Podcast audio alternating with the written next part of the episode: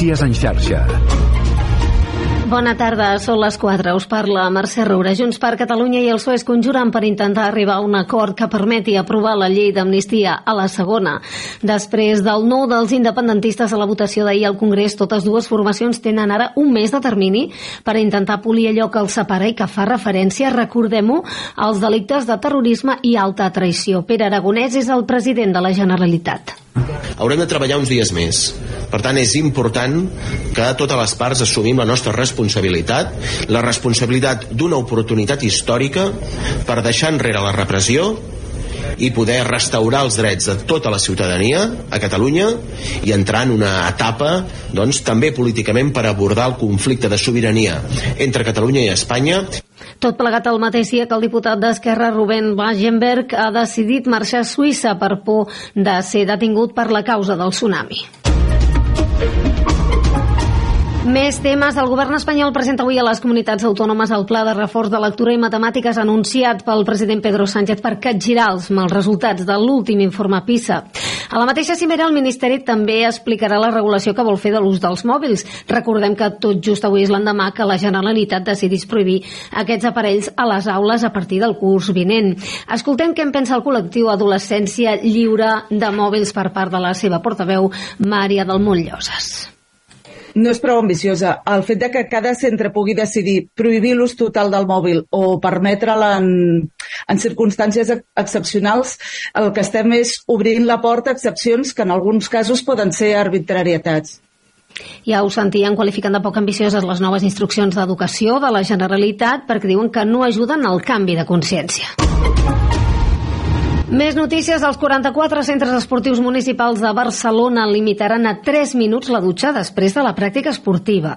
És una de les mesures d'estalvi que gestiona l'empresa, eh, l'Associació de Gestió d'Instal·lacions Esportives Públiques ha presentat avui dins un paquet ampli, encara més ampli, amb l'objectiu d'estalviar un 25% d'aigua als equipaments esportius.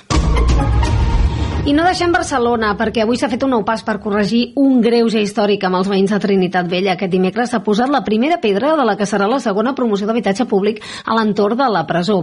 Es tracta de 53 nous habitatges públics que han de servir per allotjar famílies de l'entorn del centre penitenciari de Trinitat Vella que viuen en condicions precàries. La construcció és a càrrec de l'Ajuntament, eh, que és propietari dels terrenys i té un cost, un cost de 12 milions d'euros. És tot de moment. Tornarem amb més notícies en xarxa. Notícies en xarxa.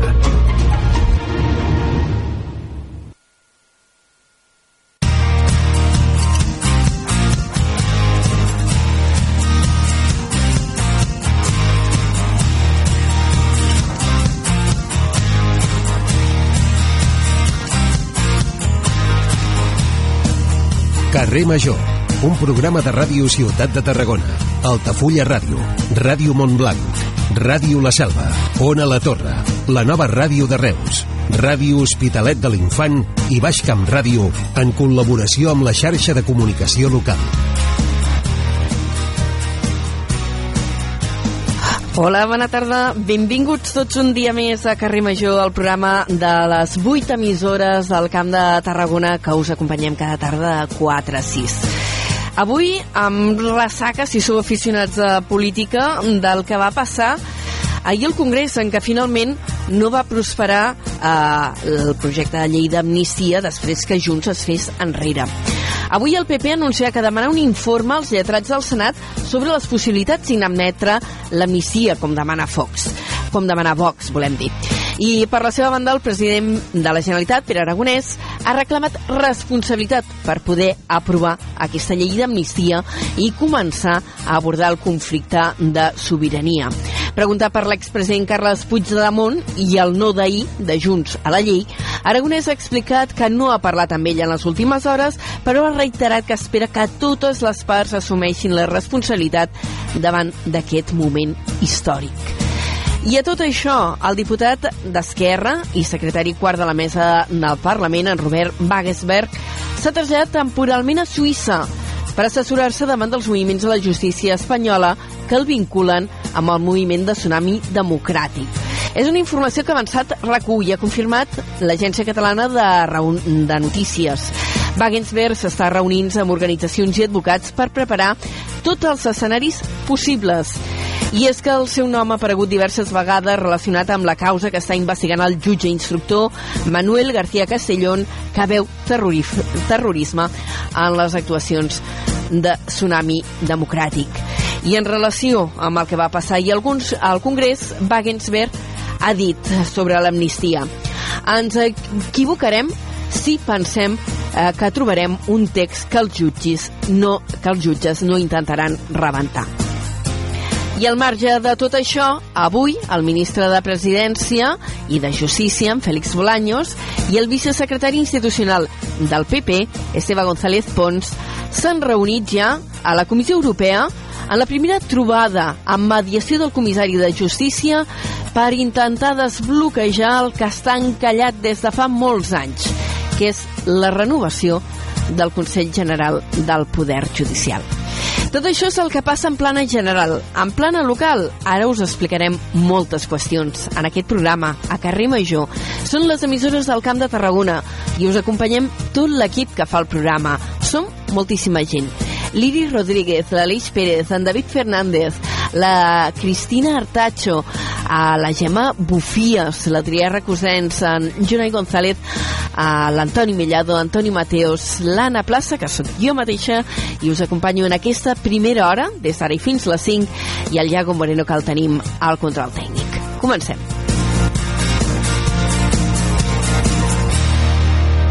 Carrer Major, Anna Plaza i Jonai González.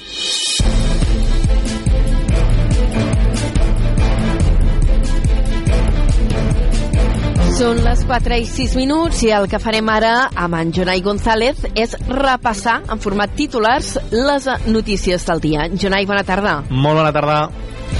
Comencem destacant que 8 empreses del Camp de Tarragona han rebut 1,7 milions d'euros del Departament d'Empresa i Treball per a noves inversions industrials. Aquestes subvencions permetran mobilitzar una inversió total de 9,4 milions d'euros, la consolidació de 356 llocs de treball i també la creació de 89 de nous. El consum dels consorciats del Consorci d'Aigües de Tarragona es mantia estable amb 77 hectòmetres cúbics durant tot l'any passat. I també els estudis preliminars certifiquen que l'aigua que subministra el Consorci està lliure de microplàstics. Aturem Hard Rock afirma que el Departament d'Acció Climàtica té una impossibilitat molt clara per encaixar el projecte de Hard Rock a la normativa. La plataforma es reuneix amb el departament i assegura que no els han donat terminis d'aprovació del pla director urbanístic. El Consell de Ministres ha donat el vistiplau perquè AENA apliqui un increment de les tarifes del 4% a partir del març. Paral·lelament, el Consell d'Administració de la companyia ha aprovat l'aplicació d'incentius per a aquells aeroports amb menys de 3 milions d'usuaris, entre els quals es trobaria l'aeroport de Reus. En l'àmbit judicial, dos germans s'enfronten a 18 anys de presó per intentar matar amb destrals dos homes de Tarragona. Un dels quatre implicats va perdre el dit petit de la mà esquerra i parcialment dos més durant la baralla.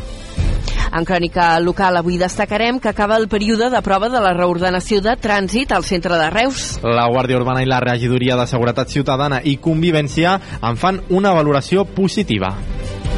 I a Tarragona s'ha donat el tret de sortida les jornades d'accessibilitat a les ciutats Patrimoni de la Humanitat. El Congrés se celebra aquest dimecres i dijous al Palau de Congressos de la ciutat de Tarragona. En esports arriba la novena edició de la Ultra Trial de Tarragona que es disputarà el 24 de febrer. Es tracta d'un clàssic del running al nostre territori que ja compta amb 400 inscrits. I en cultura, el protagonisme avui pel Mèdul Centre d'Arts Contemporànies de Tarragona que ha presentat la programació d'enguany. La idea del centre és convertir-se en més que un centre d'exposicions i expandir-se a altres espais emblemàtics de la ciutat, com serien la Tabacalera o l'Antic Banc d'Espanya. Moltes gràcies, Jonai. D'aquí mitja hora, una miqueta més, repassem, ampliem amb detall aquestes notícies. Fins després. Adéu.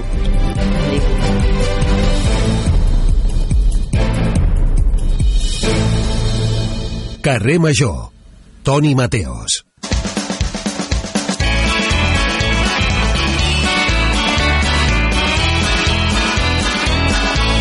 Ai, Mateus, quina gana que tinc. Tens gana? L'he dinat. Mi- Mira, no has dinat? Mira l'hora que no. és. Ai, Mira, Diana. no he, no he dinat perquè ara ho explico, ara explico la trampa, eh? Uh, L'entrevista que ve després de parlar amb tu és gravada. Ah, molt bé, molt bé, molt bé. Però, mira, mm, no m'agrada fer entrevistes gravades, prefereixo fer-les en directe, però era un tema d'agenda, i m'ha fet tanta il·lusió. Saps en qui he entrevistat?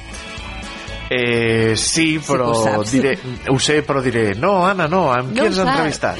Avui he entrevistat una de les grans veus radiofòniques del nostre territori que s'ha passat a la política. He entrevistat Josep Bages. Molt bé, la gran sorpresa. tanta il·lusió entrevistar-lo. La gran sorpresa. Ma mare, ma mare pensava que anava per alcalde. I jo, no, mama, no. Que, que va per segon. I diu, ah, sí? Ah, sí? I ma mare, ma mare, que és una dona molt sàvia, que farà aviat 88 anys, Hombre, hombre, diu, pues las elecciones las ha ganado el Bages, me va dir ma mare. quina gràcia. Doncs mira, això que això diu ma sàpies- mare, eh? Això, això. Això diu ma mare.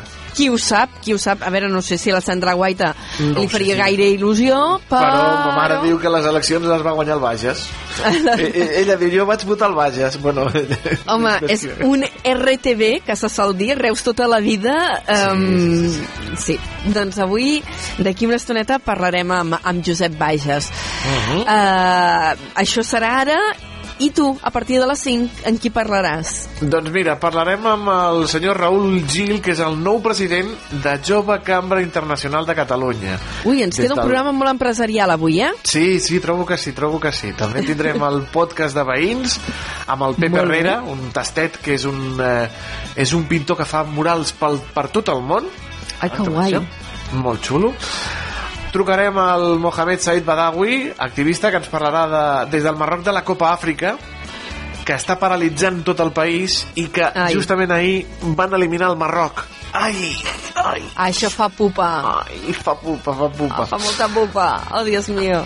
Als tonis us parlarem, m'ha agradat molt el tema que m'has proposat, de fílies i parafílies sexuals, les més estranyes i les més comunes, per un És tema esgarrifós. Eh, Home, el tema és tremendo. lleig. O sigui, Molt clar, lleig. jo, hi va haver un moment que vaig riure, però vaig pensar, Anna, no riguis. Ara no Que és riguis. que un senyor un futbolista Sí. li va tocar els pits a la senyora que feia de mascota de l'Espanyol. Clar, el tema és que la senyora anava vestida de periquito De l'Espanyol, i això fa anava- gràcia. Però clar, Sí. que el senyor vagi i li toqui impunament i amb tota la barra del món als pits, sense cap mena de...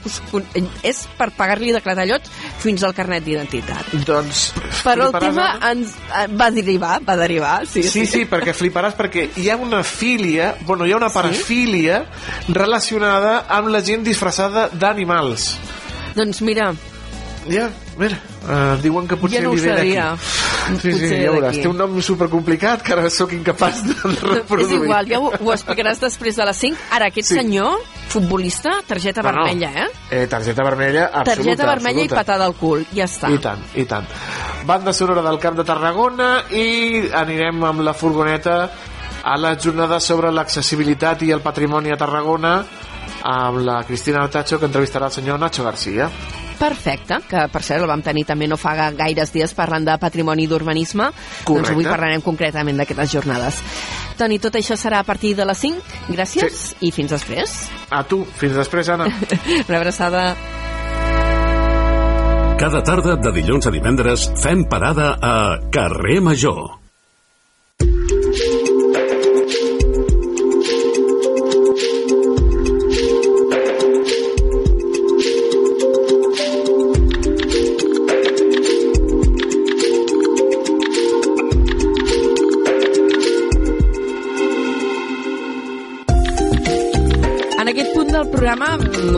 Una, us confessem la mica de trampa que fem avui, perquè l'entrevista és gravada per qüestions d'agenda. Avui conversarem amb en Josep Bages, que és regidor de Promoció Econòmica, Innovació i Coneixement de Reus i conseller delegat de Redesa, de l'empresa pública Redesa, que és una mica l'excusa pel qual el volem entrevistar avui, perquè és que aquesta empresa fa 30 anys. Senyor Bages, bona tarda, benvingut. Bona tarda, Anna. Amb Molt una- amb vosaltres i especialment amb tu, eh? Sí, bueno, abans de començar l'entrevista hem, hem estat recordant vells temps de ràdio perquè Josep Bages, clar, ara es dedica a la política, però ha sigut la veu de radiofònica de Reus durant molts anys. Sí, no, no, i a més a més, eh, jo soc home de ràdio, eh? i sempre reivindico tot l'aprenentatge que vaig tenir a la ràdio i que m'ha servit, entre d'altres coses, per arribar fins on sóc ara. No? Doncs mira, ens, eh, en, ens alegra retrobar-nos després de tant de temps perquè ara feia temps que, que no coincidíem, que no xerràvem i doncs mira, aquesta entrevista és també una retrobada. Uh, què fem? Uh, parlo de vostè o et dic Josep? Home, Josep Anna, sisplau, Josep. que ens coneixem des que anàvem de les curs. Sí, sí, quasi, quasi. Mira, pantalons curts no, però de fa 20 anys sí, eh? De que érem jovenets tots dos. doncs. Josep, eh, si em permets, eh, comencem amb una qüestió de- d'actualitat, després ja entrarem a parlar d'aquest 30è aniversari de RDS, però avui a Reus heu tingut eh, visita eh, del conseller de Treball de la Generalitat, de Treball i Empresa, en Roger Torrent, eh, perquè veníeu a visitar una empresa a la qual hi ha estat concedida una subvenció per part de, del govern català. Explica'ns. Sí, no, i a més a més és una empresa que està molt vinculada a la realitat, eh, no només empresarial, sinó fins i tot social. És una empresa molt compromesa amb la realitat ciutadana, que és Preciber, de la família Correig i de la família Casas, una família de més de 50 anys de, de trajectòria en el món de, de l'empresa i que han situat precisament Preciber com un referent en el que és l'elaboració de peces de metal·lúrgia de precisió. No? I és molt bonic que, que vingui un representant de, del nostre govern, de, de Catalunya, del nostre país, a posar en valor la tasca d'uns empresaris que han fet tant per la ciutat i nosaltres sempre diem a Reus que fer empresa, tenint en compte que està molt interioritzat en el nostre ADN, és fer ciutat. I el cas de Preciber és paradigmàtic d'aquesta evidència. No? Uh, una empresa que ha rebut una subvenció de, de mig milió d'euros. De fet, el conseller ha aprofitat uh, per anunciar uh, les aportacions que, que fa el govern al Camp de Tarragona. Mm, ha concretat que hi ha vuit empreses al territori que rebran 1,7 milions d'ajuts per fer noves inversions industrials. Estem parlant d'empreses també molt especialitzades, no? Perquè, pel que ens explicaves en aquest cas concret d'aquesta empresa reusenca. Sí, no, perquè són empreses, a més a més, que tenen una projecció internacional. És molt important aquesta capacitat que sempre ha tingut l'empresariat reusenc, l'empresariat local, de mirar més enllà. No? Sempre diem que el nostre mercat no és només Reus, Catalunya o Espanya, sinó que el nostre mercat és el món. I Preciber, precisament, mm, exporta absolutament a països dels cinc continents el que demostra aquesta voluntat d'obrir-se, de, de diversificar el mercat, que el que vol dir també és garantir una clientela, un, un ventall de, de, de clients que, que, a més a més, et, et, et fa més fort, no? et genera una, una certa robustesa, especialment en moments de crisi. No, no depens únicament d'un país, d'un mercat, sinó que et permet diversificar el risc, i això és molt important per a les empreses. El conseller ha visitat aquesta empresa, l'heu acompanyat. No sé si, aprofitant la visita, heu fet alguna coseta més o li heu demanat alguna cosa en concret? No, el que passa que sí que ha estat molt bonic tot el tema vinculat també a la projecció que té Acció. Acció que és aquest organisme que té precisament la Generalitat per, per poder projectar les empreses, per ajudar-les. En el cas del Camp de Tarragona hi ha una delegada molt activa, amb molta trajectòria, que és la Mònica Boquera, i a nosaltres ens sembla molt interessant també des de Reus generar aquest vincle amb Acció, com també amb d'altres realitats vinculades al món de l'empresa. Parlaves de la inauguració de PIMEC a Tarragona, però també en el cas concret de Reus, la Cambra de Comerç, que té tanta potència, no? que, que té aquesta capilaritat sobre el territori, que atorga també capitalitat a la ciutat de Reus. Per tant, aquesta suma de voluntats, no tot ho ha de fer l'administració, ens hem de deixar acompanyar, això també parlo com a Ajuntament, i és molt important que aquests altres agents, el que són corporacions de dret públic com la Cambra, patronals com PIMEC, doncs també han de sumar a l'hora de poder ajudar les empreses. Uh -huh. I de Redesa, que n'heu parlat amb el conseller? No, perquè avui el protagonisme era per, per Ciber. Eh, avui el protagonisme és per les empreses. A més a més, la nostra alcaldessa, la Sandra Guaita, sempre diu que hem de fugir d'aquests protagonismes, que, que cal, el que cal fer des de l'administració és acompanyar, i RDESA, que, que és aquest acrònim per Reus Desenvolupament Econòmic, el que vol precisament és facilitar les coses. Nosaltres no volem sortir les fotos, no volem, no volem que se'ns assenyali per, per, per, robar protagonisme a ningú, sinó el, que el que volem és sumar, fer xarxa, ajudar i contribuir a precisament al desenvolupament econòmic, que és la nostra raó de ser. Uh, però avui, enguany hi sortireu a la foto, eh? perquè l'altre dia ja, ja encetàveu aquests actes de commemoració del 30è aniversari de, de Redesa, que va néixer com una incubadora d'empreses, com un projecte que va ser molt pioner en el seu moment, perquè clar, estem parlant de 30 anys enrere, d'això d'incubadores d'empreses, de, uh, coworkings, tot això ara se'n parla molt, però 30 anys enrere devia suposar una revolució i, a més, amb un model eh, que no s'ha reproduït en altres municipis de, del Camp de Tarragona, perquè Tarragona, per exemple, tenen eh, Tarragona Impulsa, però no té la dimensió que té Redesa. No, tot i que sí que és cert que, que arreu de, de la demarcació de Tarragona, per exemple, el cas de Flix, el cas de Hospitalet de l'Infant i el cas de Montblanc amb Conquectiva són models que s'inspiren en Redesa. No? Abans deies això de la foto, és cert que vam sortir la foto, l'alcaldessa i un servidor, però envoltats de més de 30 emprenedors de, de Redesa, perquè insisteixo que els protagonistes són ells. Ah, vau final... ser portada, eh? Poca broma. No, ara sí, no me'n recordo si el mes o el diari de Tarragona, però vau ser portada però ja dic, no era per sortir nosaltres de la foto per marcar-nos el tanto, sinó que aquí l'important són els emprenedors i la gent que fa empresa. I el que, el que et volia posar en valor de, de, del, és a dir, Redesa que, per què serveix, no? Que fins i tot a mi, que sóc un, un romàntic de les coses de Reus vinculades al món de l'empresa, físicament el, el Redesa neix el que coneixem com el Viver, Redesa Viver és l'edifici que hi ha al camí de Valls, que ocupa l'espai que durant el segle XIX va ocupar la primera refineria de petroli de l'estat espanyol que no estava en una zona portuària. Saps que això no ho sabia? Tot i que jo sí. hi havia treballat. La meva primera feina radiofònica va ser a Onda Cero que tenia la seu allí, a Redessa Viver, i això no ho sabia. Sí. Doncs mira, això al segle XIX allà hi havia la Pensilvània, que és on es refine, eh, era una refineria de petroli de la família Guirella, que la família Guirella Reus fins i tot va fer un banc, que es compleix el 75 aniversari, i després, durant el segle XX, allà es va construir la Crolls, que és aquesta fàbrica d'electrodomèstics, que van impulsar una sèrie d'empresaris reusencs. No? Per tant, de les cendres, diguem-ho així, de, de la Pensilvània i de la Crolls, acaba sorgint el que és Redesa Viver, que vol servir precisament per facilitar l'emprenedoria de les empreses. No? I neix en el concepte aquest Viver, de trobar un espai físic perquè les empreses puguin començar a créixer i a desenvolupar-se, però evidentment amb un acompanyament tècnic per, per dotar-les de, de tot el coneixement que els hi pugui possibilitar fer, fer aquest creixement, no? perquè l'empresari moltes vegades té la idea, però li falten els mecanismes, la manera, el sistema, a part de l'emplaçament, no? I això és el que Redesa en el seu moment és capaç de generar, com tu molt bé deies, fa 30 anys d'això, i a partir d'aquí Redesa ha anat creixent, ara té espais molt diversos, com pot ser el Tecnoparc, on hi ha Fira de Reus, i per tant és un model d'èxit que, que per això ens semblava interessant, amb, coincidint amb el 30è aniversari, posar-lo en valor, no només celebrar l'aniversari de forma puntual, sinó durant un any i mig, no, no ens hi posem per poc, fem molts actes que puguin servir per subratllar la feina que s'ha fet des del punt de vista polític, però sobretot tècnic, al voltant del viver d'empreses. Per la gent que no ho coneix, podríem dir que d'una banda RDS eh, llogueu espais perquè les empreses que estan en procés de creació es puguin instal·lar i tinguin una primera seu a preu públic eh, i entenc que també oferiu assessorament, que aquest deu ser una part important.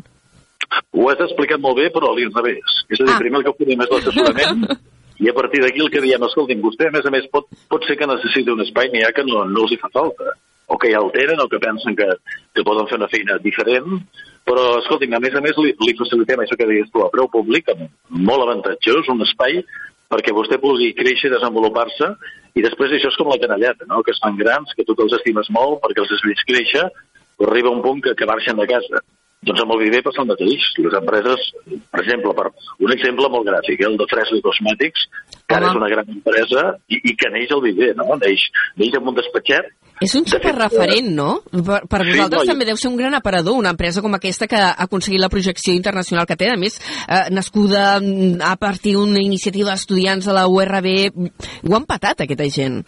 No, no, aquesta gent, a, a més, eh, jo diria que ho té tot a l'hora de posar-lo com a exemple, pel creixement, per la dimensió, que, que s'han fet grans, que nosaltres tenim ganes de que tornin d'una manera o d'una altra, perquè volem procurar en aquesta, en aquesta etapa és que tota aquesta gent, no et dic que tornin físicament, perquè evidentment ja, ja tenen unes altres necessitats d'espai, però que el coneixement adquirit l'exemple, no?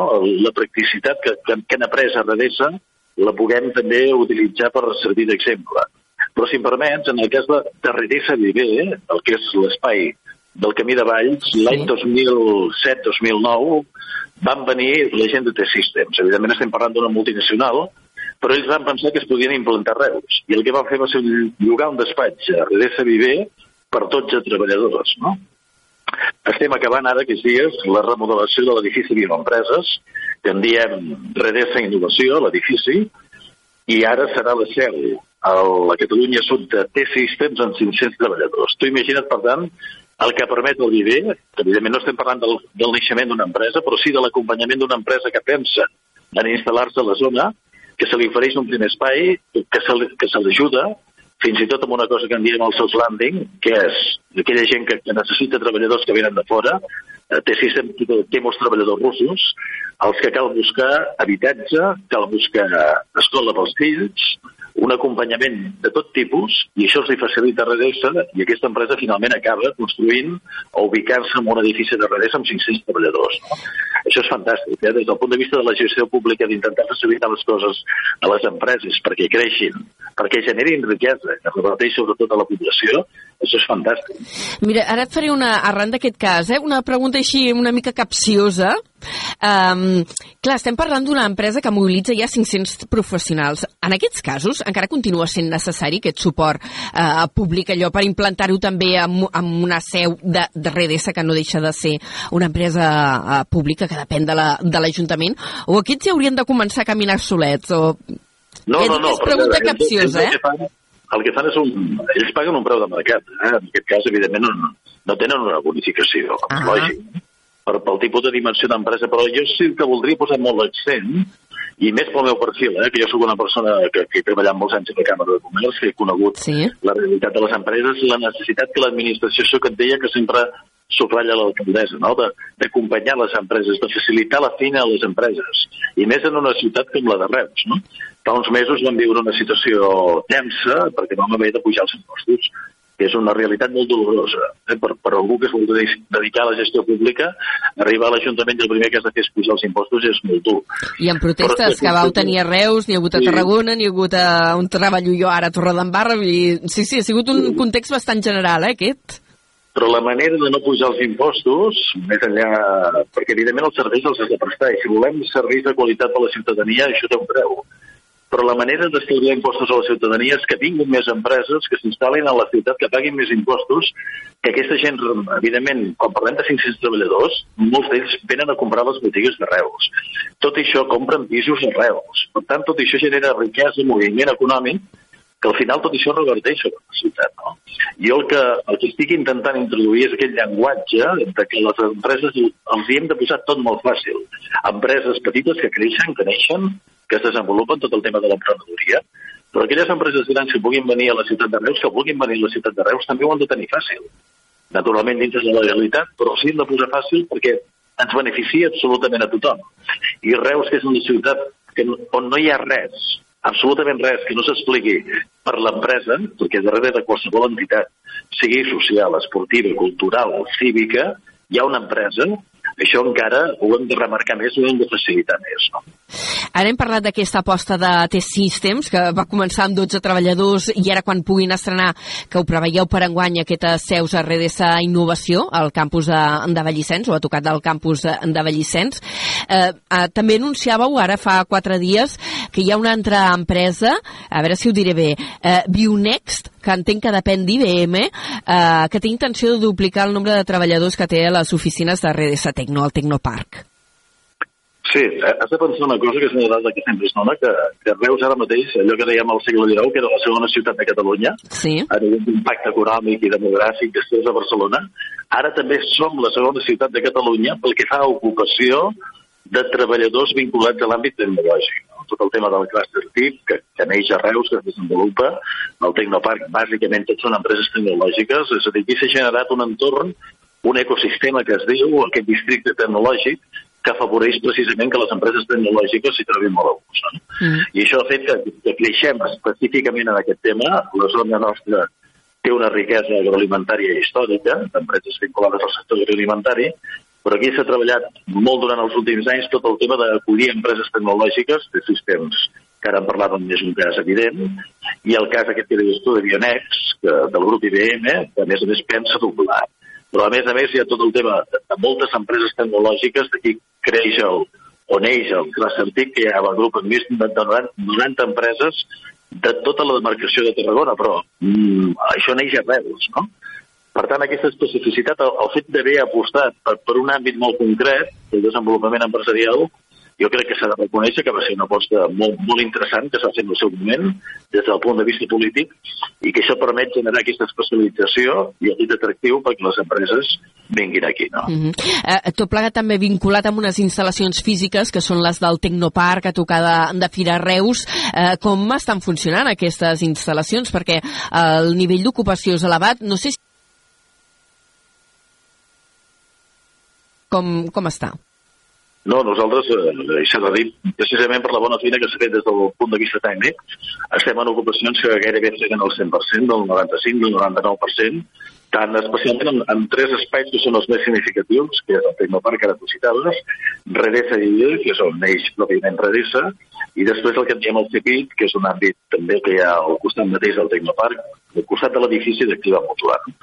I, com et deia, doncs estem gairebé al 100% d'ocupació i això fa que, que un dels projectes que desenvoluparem aquesta legislatura és la construcció del CEPIT 2, a tocar del CEPIT 1, amb tres plantes pensades per ocupar tres empreses grans que vulguin també ubicar-se a la ciutat.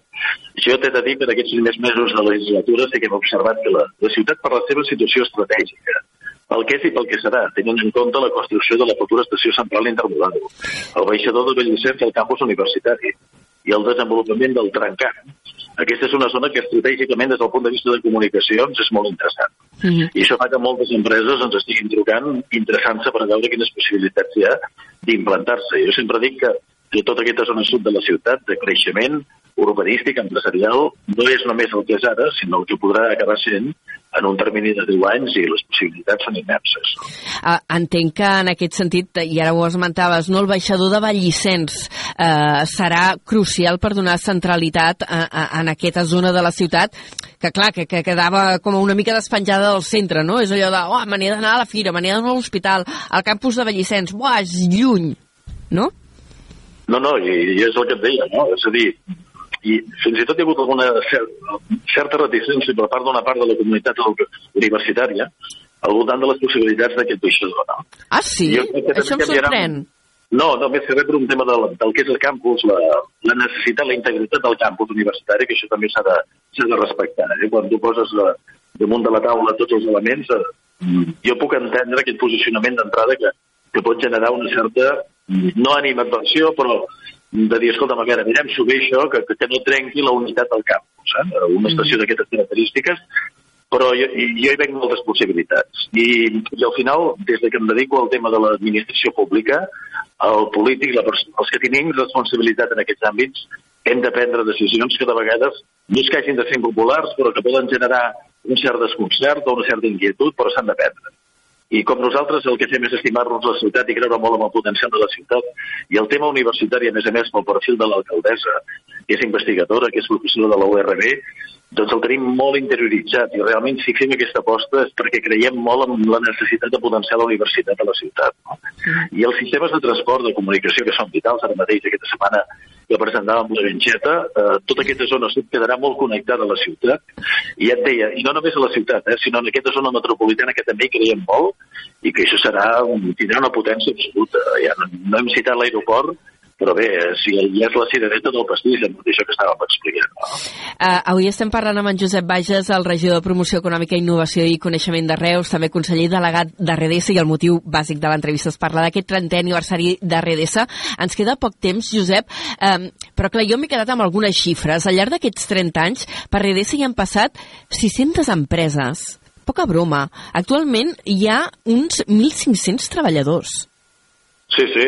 No, no, és que és una ciutat en petit, eh? jo sempre ho dic, i a més a més, la, des que jo estic a l'Ajuntament, el que tinc molt d'interès és aquesta realitat, perquè aquí pensa que hi ha moltes empreses que han vingut de fora, que s'han instal·lat al Tecnoparc perquè han cregut precisament allò que dèiem, amb l'ubicació estratègica, amb la facilitat de comunicació.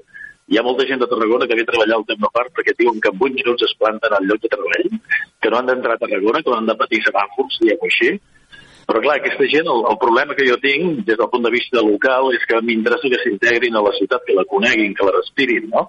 i potser és el que ens queda una mica més desconnectat, la zona del Tecnoparc, la del Viver no tant, i el que volem amb aquest 30è aniversari precisament és acabar de relligar-ho tot, no? que se sentin partícips del que fem a la ciutat, de que a la ciutat hi ha teatres, hi ha activitat cultural, hi ha moltes coses que passen. Jo mateix que també, per, per circumstàncies, porto els mercats, uh -huh. doncs al Tecnoparc hi ha, hi ha un frigorífic amb fruita del mercat que es renova de manera constant perquè la gent tasti la fruita del mercat, que sàpiga que a Reus tenim un, uns mercats fantàstics on es serveix productes de primeríssima qualitat. I en tot cas, com et deia, que es visualitzi que, que la ciutat també l'eix respira i es desenvolupa a la zona del Tecnoparc. No? Jo crec que darrere això eh, hem de posar en valor això que deies tu, no? aquestes xifres que de vegades són fredes, però que per altra banda són molt il·lustratives. Bueno, ens parlen de molta gent, xifres fredes, xifres Clar. fredes. Vull dir, 1.500 treballadors són 1.500 persones. 1.500 persones, però tu penses 600 empreses. I l'empresa no és només l'empresari, és l'empresari, l'inversor, el proveïdor, el treballador, les famílies que hi ha al darrere d'una empresa. No? Per això el que s'ha fet, i, i a mi, sobretot, jo tinc la necessitat de reivindicar l'aposta que es va fer fa 30 anys des de la punt de vista de l'administració pública, que és això. Per què serveix un ajuntament? Serveix per fer això, per atrevir-se a impulsar un, un àmbit de desenvolupament econòmic com aquest, que ajudi a les empreses, que ajudi a les persones i que millori la qualitat de vida de la població, i això és vital, no? Uh -huh. uh, ara enceteu la celebració, l'altre dia ja heu fet aquesta trobada que, que va protagonitzar aquesta foto que deia, no? No només éreu vosaltres els polítics, sinó també molta gent implicada o, o que ha passat a, a empreses que han passat per Redessa, treballadors. Um, però què més fareu? així ja per anar acabant, almenys eh, perquè no. sé que teniu moltes coses programades al llarg de l'any, però així com a cosa destacada, que, què destacaries? No, no, és que hi ha tantes coses que, que, que em sap greu perquè robaré tot el temps si les he de detallar. doncs ne tenim molt pocs, eh? Ne tenim molt poc de temps. jo, jo el que recomano és que la gent estigui atent al, al carrer Major, entre d'altres àmbits de, de comunicació, perquè ho anirem difonent, ho anirem explicant, voldrem que la gent vingui, que conegui els espais, amb, amb fins i tot amb visites per, això, perquè eh, això ho he vist, una visita virtual. Sí, no, no, virtual i física, eh? perquè Redissa, a més a més, gestiona, per exemple, el restaurant del Gaudí Centre, té tota la branca de, de l'habitatge social, que és molt important a l'hora d'acompanyar la gent. A mi m'agrada molt aquesta, aquesta faceta, és a dir, nosaltres estem per l'economia productiva, però per donar resposta a l'economia social. No? Hi ha molta gent que, que pateix, que, que necessita habitatge i Redessa, en comunió amb la regidoria d'habitatge, doncs gestiona els pisos socials de les ciutats de Reus les possibilitats de redreça són infinites i el que voldrem posar en valor en aquesta celebració en diversos actes, alguns més, més vinculats a la realitat empresarial però altres de l'àmbit popular, és que la gent conegui i reconegui la feina que ha fet Redreça durant tots aquests anys. No? Mira, ara has tocat un tema que ja no tenim temps de tractar, tot i que és un meló important, que és el de l'habitatge social amb el projecte de la Hispània. Està com... Comenceu obres ja? Comença a haver-hi moviment o encara... No, no, ja, ja, ja, ja estan, estan fent els fonaments, estan fent el pàrquing, però a més a més un altre... És a dir, en poc temps, en sis mesos, hem aconseguit tancar uns 200 pisos. No se n'havien fet cap en, en 12 anys i en, i en sis mesos ja hem concretat 200 pisos d'habitatge social. L'altra promoció és la de Mas Iglesias, tocant precisament de baixador, que també és molt potent i, i és el que et deia, no? És a dir, al final del que es tracta és de donar resposta a les necessitats de la gent fent empresa, que vol dir generant riquesa, que rebateix directament sobre la població, no? Josep Bages, ho hem de deixar aquí. Ha estat un plaer conversar amb tu, avui no com a, com a company periodista, o antic company periodista de professió, sinó com a polític, com a regidor de l'Ajuntament de Reus, responsable de l'àrea de promoció econòmica, innovació i coneixement, i hem parlat amb l'excusa d'aquests 30 anys de, de Redessa. Per molts anys, i escolta, fins la pròxima. A vosaltres la, la gratitud i sobretot el reconeixement de la feina que feu, perquè una societat com la nostra no es construeix sense mitjans de comunicació potents com el seu vostre, també. Una abraçada.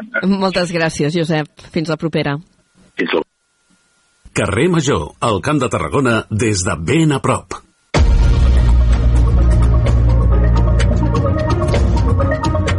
I 39 minuts i després d'aquesta conversa que avui ho hem, ho hem confessat, eh, era enregistrada amb en Josep Bages, encetem l'informatiu Parlant de, precisament de temes econòmics i un tema que hem, eh, eh, hem tractat amb el nostre entrevistat, i és que vuit empreses del Camp de Tarragona han rebut 1,7 milions d'euros al Departament d'Empresa i Treball per a noves inversions industrials. Aquestes subvencions permetran mobilitzar una inversió total de 9,4 milions d'euros, la consolidació de 356 llocs de treball i la creació de 89 de nous. Uh, Jonai, bona tarda de nou. Molt bona tarda de nou. El conseller Roger Torrent ho ha anunciat avui coincidint amb la visita a Reus d'Indústries Preciber, una de les empreses beneficiàries i que preveu doblar la seva capacitat productiva amb una inversió de 7 milions d'euros, dels quals 500.000 provenen dels ajuts. El conseller d'Empresa i Treball ha destacat que la recuperació i impuls del sector industrial és un dels objectius del govern. Volem que la indústria tingui encara més pes del que té en aquests moments a l'estructura econòmica de Catalunya i per tant que recuperem aquesta força industrial que havia tingut dècades enrere a Catalunya i que volem posar al dia. Volem una indústria moderna, digitalitzada, eh, amb alt valor eh, afegit, que és capaç de generar llocs de treball de qualitat, estables, ben remunerats i molt arrelada al, al territori. Paral·lelament, Torrent ha reafirmat les paraules de la consellera Mas sobre la cogovernança dels fons europeus i confia que abans del 2026 es desplegui un PERTE territorial. Ara tot just fa uns dies teníem aquí el programa el president del Consorci d'Aigües de Tarragona, en Joan Alginet. Avui aquest organisme que gestiona el minitransvasament de l'Ebre ha fet balanç de l'últim any. Ha explicat que el consum de consorciats del CAT es manté estable amb 77 hectòmetres cúbics durant l'any passat. Els estudis preliminars, a més, certifiquen que l'aigua que subministra el, el Consorci està lliure de microplàstics. Les dades mostren que els 69 municipis consorciats han consumit un 64% de l'aigua subministrada pel CAT i les 26 empreses la resta. El president del Consorci, Joan Alginet, ha insistit a remarcar que l'increment d'ús d'aigua regenerada per part de la indústria ha evitat que el Consorci d'Aigües de Tarragona assolís rècords de consum l'any passat. Alginet també ha insistit que l'ús d'aigua regenerada per part de la indústria pot reduir les captacions del riu Ebre. L'esforç i el treball que està fent la indústria, en aquest cas del Camp de Tarragona, a la indústria química, en base a la eh, reutilització. Eh? La reutilització que eh, respecte al consum general del CAT eh, estaríem parlant que l'aigua reutilitzada ja és un 7% eh, del volum de consum global del, del consorci, un 7%, i del volum de la indústria representa ja prop d'un 18%. Per tant, jo crec que són dades que hem de tindre en compte, que les hem de posar en valor el president del Consorci d'Aigües de Tarragona també ha assenyalat que es manté el pla de sequera, tot i la millora de les reserves a Maquinensa per responsabilitat i també per pedagogia. No desactivar el pla de sequera també és un missatge per dir a la nostra societat, al Camp de Tarragona i les Terres de l'Ebre, eh, no, no som aliens a la situació que viuen eh, a la província de Barcelona i Girona.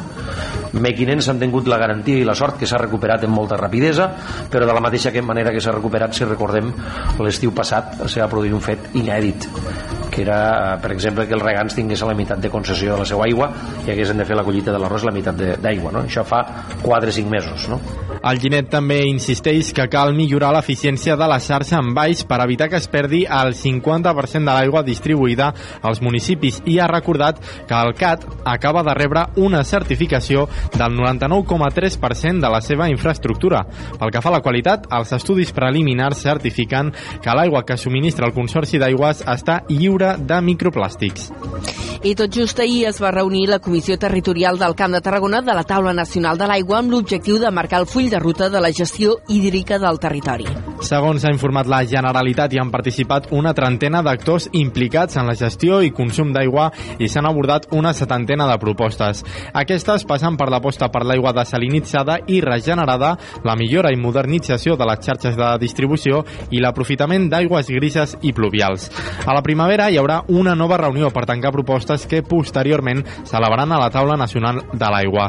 Aquesta comissió territorial està liderada per la delegació del govern al Camp de Tarragona i entre les institucions que hi participen hi ha el Consorci d'Aigües de Tarragona, Comunitats de Regants, Unió de Pagesos, Aigües Industrials de Tarragona i també entitats ecologistes. Aturem Hard afirma que el Departament d'Acció Climàtica té una impossibilitat molt clara per encaixar el projecte del Hard a la normativa. La plataforma s'ha reunit amb el departament i assegura que no els han donat terminis d'aprovació del pla director urbanístic. La també portaveu de la plataforma, Anna Requesens, ha afirmat que Hard Rock no es pot fer per les dificultats d'adaptar el projecte a les exigències tècniques mediambientals i de seguretat química. Per això, des de la plataforma han reclamat al govern enterrar la iniciativa. El portaveu de Trem Hard Rock, Eloi Redon, destaca que Acció Climàtica té problemes per trobar l'encaix del projecte. Però nosaltres el que, el que reiteràvem ara mateix és que si portem ja 3 anys intentant modificar un pla director urbanístic i uns informes segueixen sent desfavorables i que no hi ha cap manera d'incabir-los, nosaltres creiem que ja és el moment d'enterrar aquest projecte d'una vegada per totes i deixar de marejar la perdiu en aquest sentit. Alhora, des de la plataforma han reivindicat que ha estat la mobilització popular qui ha frenat fins ara el complex que per l'entitat és nociu i destructor. I hem de parlar també de gestió aeroportuària. El Consell de Ministres ha donat el vistiplau perquè AENA apliqui un increment de les tarifes del 4% a partir de març. Paral·lelament, el Consell d'Administració de la companyia ha aprovat l'aplicació d'incentius pels aeroports més petits, els de menys de 3 milions d'usuaris, entre els quals hi ha Reus i Girona. El govern espanyol assegura que, tot i aquest increment, les tarifes mitges seran més baixes que el 2015 i afirmen que els aeroports de la xarxa d'AENA seran els més competitius d'Europa. De fet, a l'aeroport del Prat i de Barajas les taxes són un 60% més baixes en comparació als aeroports principals. En el cas dels aeroports més petits, com és el cas de Reus, les aerolínies quedaran exemptes de pagar la tarifa per passatger de tots els viatgers addicionals als del 2023 durant 3 anys consecutius. I ho acabem de saber. Aquest matí hi ha hagut una incidència a la central nuclear de Vandellós 2. Concretament s'ha activat el sistema de detecció d'incendis a la sala de control de la nuclear. Segons ha informat el Consell de Seguretat Nuclear, el CSN, la caixa d'enllumenat d'emergència que està dins del sostre fals de la sala s'ha omplert de fum. Durant la revisió rutinària de les caixes, eh, quan s'extreia un relé, s'ha generat un pic de tensió que ha provocat un error i l'escalfament d'un transformador. Aquest és el que ha omplert de fum la caixa elèctrica sense que s'hagi arribat a generar flama. El Consell de Seguretat Nuclear ha qualificat la incidència de nivell 0 en l'escala internacional de successos nuclears i informa que el succés no ha tingut impacte en els treballadors, la ciutadania ni el medi ambient. I eh, tancarem aquest bloc eh, amb una notícia d'àmbit judicial. Dos germans s'enfronten a 18 anys de presó per intentar matar amb destrals dos homes a Tarragona. Un dels quatre implicats va perdre el dit petit de la mà esquerra i parcialment dos més durant la batalla. Els fets van passar el 8 de març de l'any 2022, quan els quatre individus s'havien discutit i colpejat abans perquè dos d'ells van fer fora del pis on convivien al carrer Sant Miquel a un dels dos germans. Més tard, els germans van tornar a buscar els altres dos investigats i van agredir-los. Fiscalia els demana 12 anys de presó per un delicte d'homicidi en grau de temptativa i 4 més per un de lesions amb instrument perillós. També sol·licita 3 anys i 6 mesos de presó per lesions per als altres dos processats i víctimes, un dels quals no s'ha presentat al judici. Són les 4 i 47 minuts, encetem la crònica estrictament local, ho fem situats eh, en primer lloc a Reus, on acaba el període de prova de reordenació de trànsit al centre de la ciutat. La Guàrdia Urbana i la Regidoria de Seguretat Ciutadana i Convivència en fan una valoració positiva. Des de la nova ràdio de Reus ens ho explica la Laura Navarro. Després d'uns mesos en fase de prova, aquest 31 de gener ha finalitzat la primera fase de la reordenació del trànsit al centre de Reus. Fins al moment hi ha un total de 3.260 66 matrícules dins el registre per poder accedir als carrers delimitats. 409 són de residents del centre i 2.847 són vehicles de servei i emergències. En relació a les possibles modificacions, la Regidoria de Seguretat Ciutadana i de Convivència ha informat que podrien afectar els horaris o els usos, encara que també ha recordat que hi ha un horari pensat perquè els proveïdors puguin carregar i descarregar. A més, la regidoria s'ha mostrat oberta a les modificacions segons les peticions de la ciutadania. Moltes gràcies, Laura. I des de Reus anem cap a Altafulla, on l'Ajuntament ha iniciat ja els tràmits per expropiar els terrenys on s'ha de construir la bassa de laminació del Puntet. Les gestions administratives marcaran els terminis per l'inici dels treballs que es volen tirar endavant abans que acabi l'any. Ens n'amplia la informació des d'Altafulla, Radio La Carol Cubota. Aquesta setmana surt a exposició pública el pla d'actuació per l'expropiació dels terrenys on s'ha d'ubicar la futura bassa de laminació d'Altafulla. Es tracta d'un document que inclou el projecte de creació de la bassa i que especifica els termes en què s'ha d'executar aquesta expropiació, així com també els motius que justifiquen la mesura. La publicació del document durant 30 dies és prèvia a la seva aprovació pel plenari municipal i també requereix d'informes d'altres organismes que l'avalin abans d'aprovar-se, com ha explicat el secretari municipal Bernat Moreno. Tot aquest conjunt d'informes que ens tenen que, que enviar a diferents administracions i que normalment és quan és, són mesos dilata el procediment, però bueno, tindrà que anar al ple, en el ple es farà l'aprovació inicial i d'aquesta aprovació inicial passarà a urbanisme que farà l'aprovació definitiva. L'expropiació de la base de laminació està valorada en uns 92.000 euros que caldrà incorporar al pressupost a través d'un expedient de modificació de crèdit que previsiblement es debatrà en el ple extraordinari del 23 de febrer. La voluntat del consistori és iniciar els treballs de la bassa pels vols de la tardor d'enguany. Per cert, que el ple de l'Ajuntament d'Altafulla, que es celebrava dilluns al vespre, ha acordat demanar a l'Estat la concessió del passeig de botigues del mar. D'aquesta manera, l'espai, que és de domini marítim o terrestre, passarà a ser totalment municipal. Això implica que l'Ajuntament ja no haurà de demanar autorització a l'Estat per fer-hi obres de millora i manteniment com les que s'hi estan fent ara i que també tindrà plena autonomia per gestionar els permisos de les terrasses. I anem a Tarragona, en Comú Podem demana que s'aturi la licitació del nou contracte dels serveis socioculturals i educatius. El grup municipal denuncia una situació precària del personal del servei. En té més detalls la Irene Urbistondo des de Ràdio Ciutat de Tarragona. El portaveu, Jordi Collado, exposa que aquest contracte suposarà l'acomiadament de 6 de 12 integradores socials i l'increment de 6 a 7 educadors socials. Creu que serà un acomiadament molt barat per l'empresa que assumeix el contracte i una baixada per ràtio dels infants que seran atesos. També es queixa que l'Ajuntament es justifiqui amb la falta de pressupost. Ens sembla molt greu que l'Ajuntament faci això, perquè el que està posant en risc eh, és un servei eh, molt bàsic. No ens serveix eh, excuses de mal pagador al nostre entendre, eh, la Generalitat no subvenciona prou. Això ja ho sabem. La Generalitat no fa la seva feina. Manifesten que si l'externalització ha de ser una qüestió de mà d'obra barata, s'hi oposaran frontalment i, per tant, insten el govern actual a fer una auditoria de contractes públics per saber la situació actual i poder valorar quin és el nivell d'externalització que s'ha de fer. Moltes gràcies a aquesta nova incorporació de Ràdio Ciutat de Tarragona, la Irene. I ara parlem de les jornades Accessibilitat a les ciutats Patrimoni de la Humanitat que han arrencat avui, un congrés que s'està celebrant al Palau de Congressos de la ciutat. Es fa amb la coorganització de l'Ajuntament i el grup Ciudades Patrimonio de la Humanitat d'Espanya, on es proposen diverses ponències, taules de debat i tallers que posen el focus en com fer el patrimoni més accessible. Ens fa la crònica a l'Adrià Duc des de Ràdio Ciutat de Tarragona. Les jornades han arrencat aquest matí amb les inscripcions completes. La benvinguda ha anat a càrrec de Iago Lestegàs, regidor d'Urbanisme, Habitatge i Ciutat Històrica de l'Ajuntament de Santiago de Compostela, que ha intervingut en nom del grup Ciudades, i l'alcalde de Tarragona, Rubén Viñuales. Viñuales ha destacat que és conscient que Tarragona queda molt camí per recórrer. Ha parlat del Fòrum de la Colònia, que considera el primer gran projecte que incorpora la perspectiva de l'accessibilitat a la ciutat. Els treballs compten amb un finançament de 3 milions d'euros d'euros de fons europeus i, segons ha afegit l'alcalde, suposaran un canvi substancial en la concepció d'accés al patrimoni. És veritat que ens queda molt per recórrer, però ten també tenim exemples no? on, on s'està treballant molt i sobretot tenim exemples que ja estem en vies com el Fòrum de la Colònia, que serà un canvi substancial, de veritat, serà un canvi radical de la concepció no? de l'accés, l'accessibilitat al patrimoni, o, per exemple, aquesta Torre del Pretori, que també estem votant a fons per tal de, de poder millorar-ho. Rubén Viñuales ha valorat positivament l'inici de les jornades. Creu que l'accessibilitat és un tema que no ha preocupat històricament i ha recalcat l'obligació del consistori de garantir que el patrimoni sigui per a tothom, incloses les persones amb mobilitat reduïda o altres tipus de discapacitat.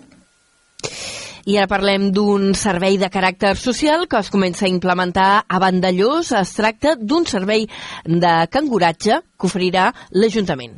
El Casalet és el nom que rep i està adreçat a les famílies amb infants de 6 a 12 anys i estarà ubicat al Casal de Joves de dilluns a dimecres a partir del 5 de febrer. Des de Ràdio L'Hospitalet, Iri Rodríguez. L'Ajuntament de Vandellós i l'Hospitalet de l'Infant, a través de la Regidoria d'Igualtat, posarà en marxa un nou servei a partir del 5 de febrer. Es tracta del Casalet, un servei de cangruatge que estarà a disposició de les famílies amb infants de 6 a 12 anys al Casal de Joves de Vandellós. Esmeralda Saladier és la regidora d'Igualtat. Les famílies han de fer una inscripció prèvia, que la poden fer a la web de l'Ajuntament o quan, amb horari que el casal de joves està en funcionament. També voldríem dir que altres accions que estem preparant també amb, amb la línia de, de la conciliació per ajudar a la conciliació familiar és que en breu, en dos o tres setmanes obrirem també al costat del casal de joves un espai també per servei de canguratge pels nens de 0 a 5 anys. I properament també iniciar, iniciarem una iniciativa a l'Hospitalet de l'Infant aquest servei està finançat pel Fons Estatal Pla Corresponsables del Ministeri d'Igualtat a través del Departament d'Igualtat i Feminismes de la Generalitat de Catalunya. Anem a parlar d'esports amb aquesta sintonia i concretament de la novena edició de la Ultra Trial Tarragona que es disputarà el 24 de febrer. Es tracta d'un clàssic del running al nostre territori que ja compta amb 400 inscrits. Adrià Duc des de Ràdio Ciutat de Tarragona. L'esdeveniment organitzat pel Club Tenis Tarragona estarà format per quatre curses de 10, 21, 42 i 62 quilòmetres respectivament, a més de curses alternatives com la Kids, la Genuine o la BTT Gravel. I el recorregut portarà els participants participants per zones tan emblemàtiques com els castells del Baix Gaià, la Pedrera Romana del Mèdol o la platja Llerga de Tarragona, on es farà l'últim quilòmetre de la cursa. El codirector de la cursa, Dani Bullo, ha remarcat la labor dels voluntaris i ha afirmat que la cursa s'acosta any rere any a la seva desena edició, d'una prova nascuda a la ciutat i organitzada per als aficionats del running a Tarragona i que a més té el suport de voluntaris de diferents clubs de la demarcació. Les inscripcions per a la cursa continuen obertes i cada cop són més els professionals professionals del running que decideixen afegir al seu calendari de 2024 l'Ultra Trail de Tarragona.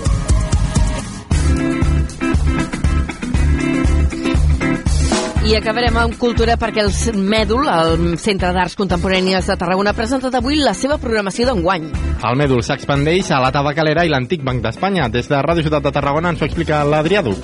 La consellera de Cultura, Sandra Ramos, ha parlat sobre l'activitat del Mèdul per aquest 2024. Aquest 2024 volem continuar provocant i reivindicant doncs, aquest paper transformador de la creació artística.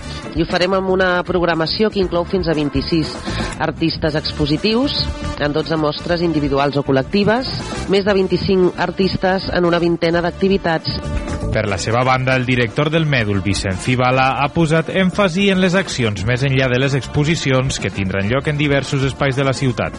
Com sempre, hi ha activitats i accions, siguin en col·laboració, com en el cas de Cultura Verda, o en col·laboració en Escan, el festival, que ara en parlem, en diversos espais de la ciutat. Posa 12, podrien ser 8 o podrien ser 14. Per tot això, hi ha propostes que van canviant i una mica anem pensant quins espais fan falta per a, per a cada cosa. Algunes de les exposicions més destacades són Digital After All, que tindrà lloc a la Tabacalera, Zoocosis, que es podrà veure a l'edifici de l'Antic Banc d'Espanya, o exposicions d'artistes tarragonins com Vanessa Pei i Jorge Conde. També podrem veure una selecció de continguts audiovisuals a càrrec del col·lectiu novaiorquès DIS.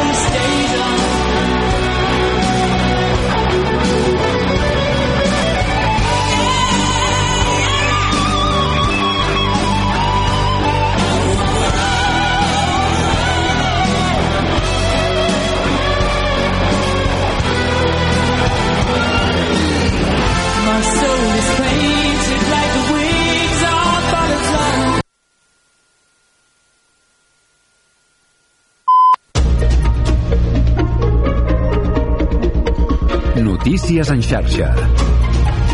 Bona tarda, són les 5, us parla Mercè Roura. El, pres el ministre de la Presidència i de Justícia, Félix Bolaños, ha insistit aquest dimecres que el no de Junts a la llei d'amnistia, que va impedir, recordem, l'aprovació de la norma, és incomprensible, diu, però ha obert la porta a seguir treballant la llei i ha afirmat que el text que sortirà del Congrés serà impecable constitucionalment. En una entrevista a la SER, el ministre ha explicat que va conèixer el no de Junts a les últimes hores de negociació i ha apuntat que la decisió el va sorprendre. pues que reconsidere su posición, pues porque es una ley que realmente va a facilitar y va a ayudar no solo a las personas que tienen causas penales pendientes, sino también sobre todo va a ayudar a construir una Cataluña mejor. Amb tot ha reiterat que el seu executiu continuarà negociant. Bolaños també ha recordat que la legislatura durarà els 4 anys i que la durada del mandat no la decideix cap grup, sinó el president del govern espanyol. I canviem d'escenari, anem a Calella perquè continuen al punt de mira després del Salabeu contra la multireincidència, la delinqüència. L'índex de criminalitat del municipi és un 60% superior a la mitjana catalana. És per això que avui s'ha celebrat una junta de seguretat local amb la presència del conseller d'Interior Joan Iglesias i Helena i l'alcalde de Calella, Marc Buc, que han expressat el compromís de cooperació entre institucions. També han remarcat que el dispositiu especial de Mossos d'Esquadra, que va iniciar tot just fa un mes eh, per ajudar a rebaixar la delinqüència, ha servit. La trobada també ha servit per anunciar que la comissaria de Pineda, tot just la localitat del costat, es dotarà de més Mossos aquest estiu quan es graduïn els, els agents que ara mateix estan a l'acadèmia. Hi haurà més Mossos a la comissaria de Pineda perquè el cos de Mossos d'Esquadra estarà creixent d'estar creixent de forma, de forma permanent i sostinguda en el temps perquè fan falta, perquè ho dic sempre. I parlant dels Mossos d'Esquadra, dic que han detingut un home de 53 anys per robar a quatre farmàcies de l'Eixample de Barcelona amb un ganivet de grans dimensions. Les investigacions van començar pel primer robatori el 7 de desembre, que en un home va accedir a una farmàcia demanant diners i exhibint un ganivet de 30 centímetres. I acabem amb una punt de cultura. L'actriu Meg Ryan visitarà el BCN Film Fest 2024, volem dir, per presentar el film Lo que sucede después, que dirigeix i protagonitza. Aquest serà un dels plats forts de l'edició d'enguany del certamen que dedicarà un homenatge al director japonès Yasuhiro Osu i projectarà una dotzena de films d'aquest cineasta. Una altra visita confirmada és l'actor i director Vicent Pérez, que actua i dirigeix The Edge of the Blade. La directora del BCN Film Film Festival, eh, Conxita Casanovas ha remarcat que el festival està en sintonia en el moment perquè s'imposen les dones a la programació. Notícies en xarxa.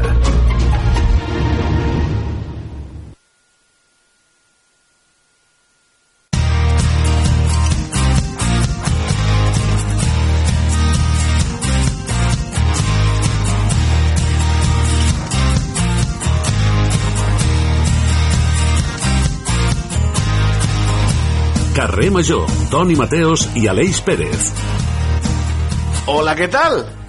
Avui començarem parlant d'Austràlia, ja que una mare ha trobat una serp de metre i mig al calaix de la roba interior. Quin ensurt, amics i amigues? Era el calaix de la roba interior del seu fill, i no, no és que el nen li l'hagués ficat allà a la SER perquè li agradessin les bestioles o li agradés col·leccionar bitxos, no, no. Resulta que la mare estava recollint la roba estesa i la serp es va colar entre els calçotets del nen. Molts han estranyat de que no notés la serp el seu pes, però la dona diu que no, no, no ho va notar. I allí la va trobar a la serp a l'obrir una estona després al calaix per ficar-hi més roba. La dona va trucar al Fran de la Jungla d'Austràlia, que es diu Mark Pelly, de Snake Hunter, el caçador de serps, que només veure la serp es va ficar les mans al cap al descobrir que era una serp marró oriental, la segona serp més verinosa del món. Una picada i en dos minuts, pim-pam-pum, cadàver. És una serp violenta, nerviosa i mortal. Però aquell dia, ves per on estava tranquil·leta entre els calçotets de Spiderman i de la patrulla canina. Aleix Pérez, què és el més estrany que tu has trobat tu en el calaix de la roba interior, estimat? Bona tarda, Toni Mateos. Eh, bé, jo tampoc no m'he trobat massa coses estranyes. Potser el més estrany ha sigut un, un parell d'aranyes, d'allò que trobes un, una aranya amb, amb, allà al, al, a la cantonadeta del, del calaix. Jo no he, trobat, no he trobat en general coses rares. El que sí que tinc és una bona amiga de la universitat que tenia com un calaix que era un calaix exclusiu per menjar, perquè vivia com en una casa amb diferents pisos i això, i deia jo, en comptes de baixar fins a baix, que quan em fa pal i això, jo m'agafo tot el menjar, me'l pujo al calaix aquest i així quan tinc gana no he de baixar de l'habitació. Coses més estranyes, quins amics Ja. més raros que tens, no? Sí, bueno, la universitat és una època fosca. No? Convulsa. Sí, convulsa, exacte. De precarietat, diria, inclús. El que no és precari, ja ho saben, amics i amigues, és eh, els que fem possible al carrer Major cada dia, ja ho saben. Qui som? Doncs miri, som vuit emissores del Camp de Tarragona. Miri, som eh, l'Aleix, la Iris, l'Anna, la Cristina, el Pau, l'Adrià, la Gemma, el David, el Jonai, l'Antonio, el Toni, que sóc jo, i el nostre tècnic, el Diago Moreno. Som els que fem possible que cada tarda s'obri el calaix de la màgia i d'allà surtin les vuit emissores del Camp de Tarragona que els hi acosten al carrer Major. Benvinguts a la ràdio en directe. Benvinguts a carrer Major. Carrer Major, el primer programa del Camp de Tarragona. És dimecres a l'Eix i saps el que toca els dimecres, no? Crec que sé que on vas, però m'agrada que ho diguis, m'agrada que ho surti per la teva boca, Toni Mateu. Doncs ja hi ha un nou capítol del podcast de veïns del company de Radio Ciutat de Tarragona, l'Adrià Requesens. Home, Si et sembla, anem amb una pinzelladeta per descobrir qui és el nou protagonista del podcast.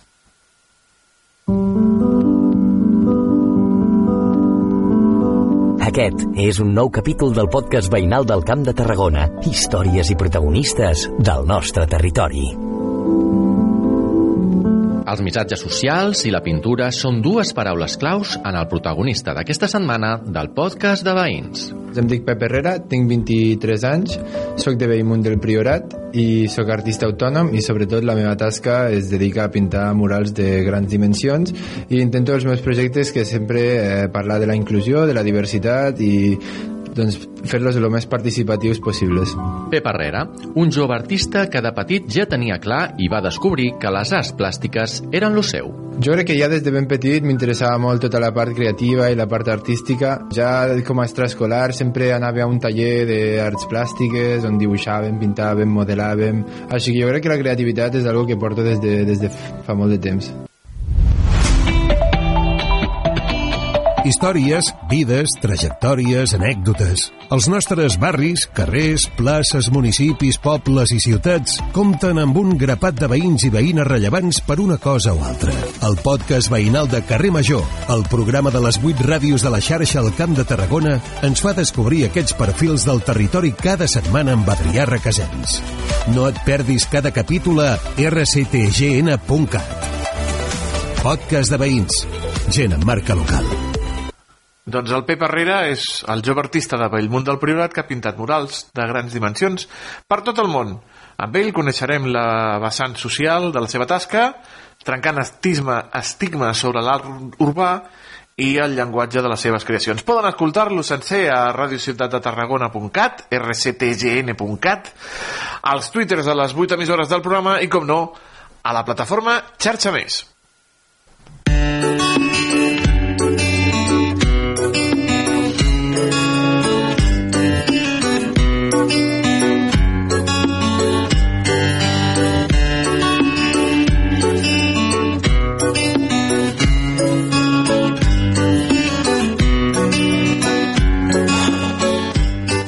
Parlar d'una entitat amb solera a Catalunya, la Jove Cambra Internacional, perquè un altafollenc és el nou president d'aquesta entitat. Des del passat cap de setmana, Raül Gil és el president de la Jove Cambra Internacional de Catalunya. I avui el tenim assentats als estudis de la nova ràdio de Reus i el saludem. Senyor Gil, bona tarda i enhorabona pel nomenament.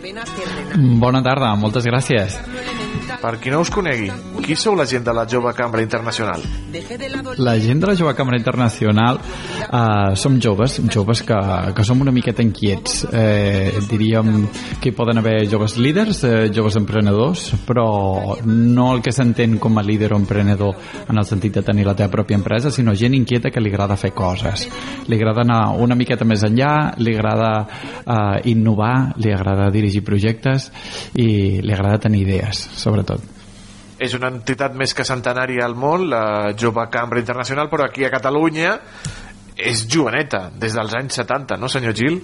Uh, sí, gairebé, gairebé farem 60 anys.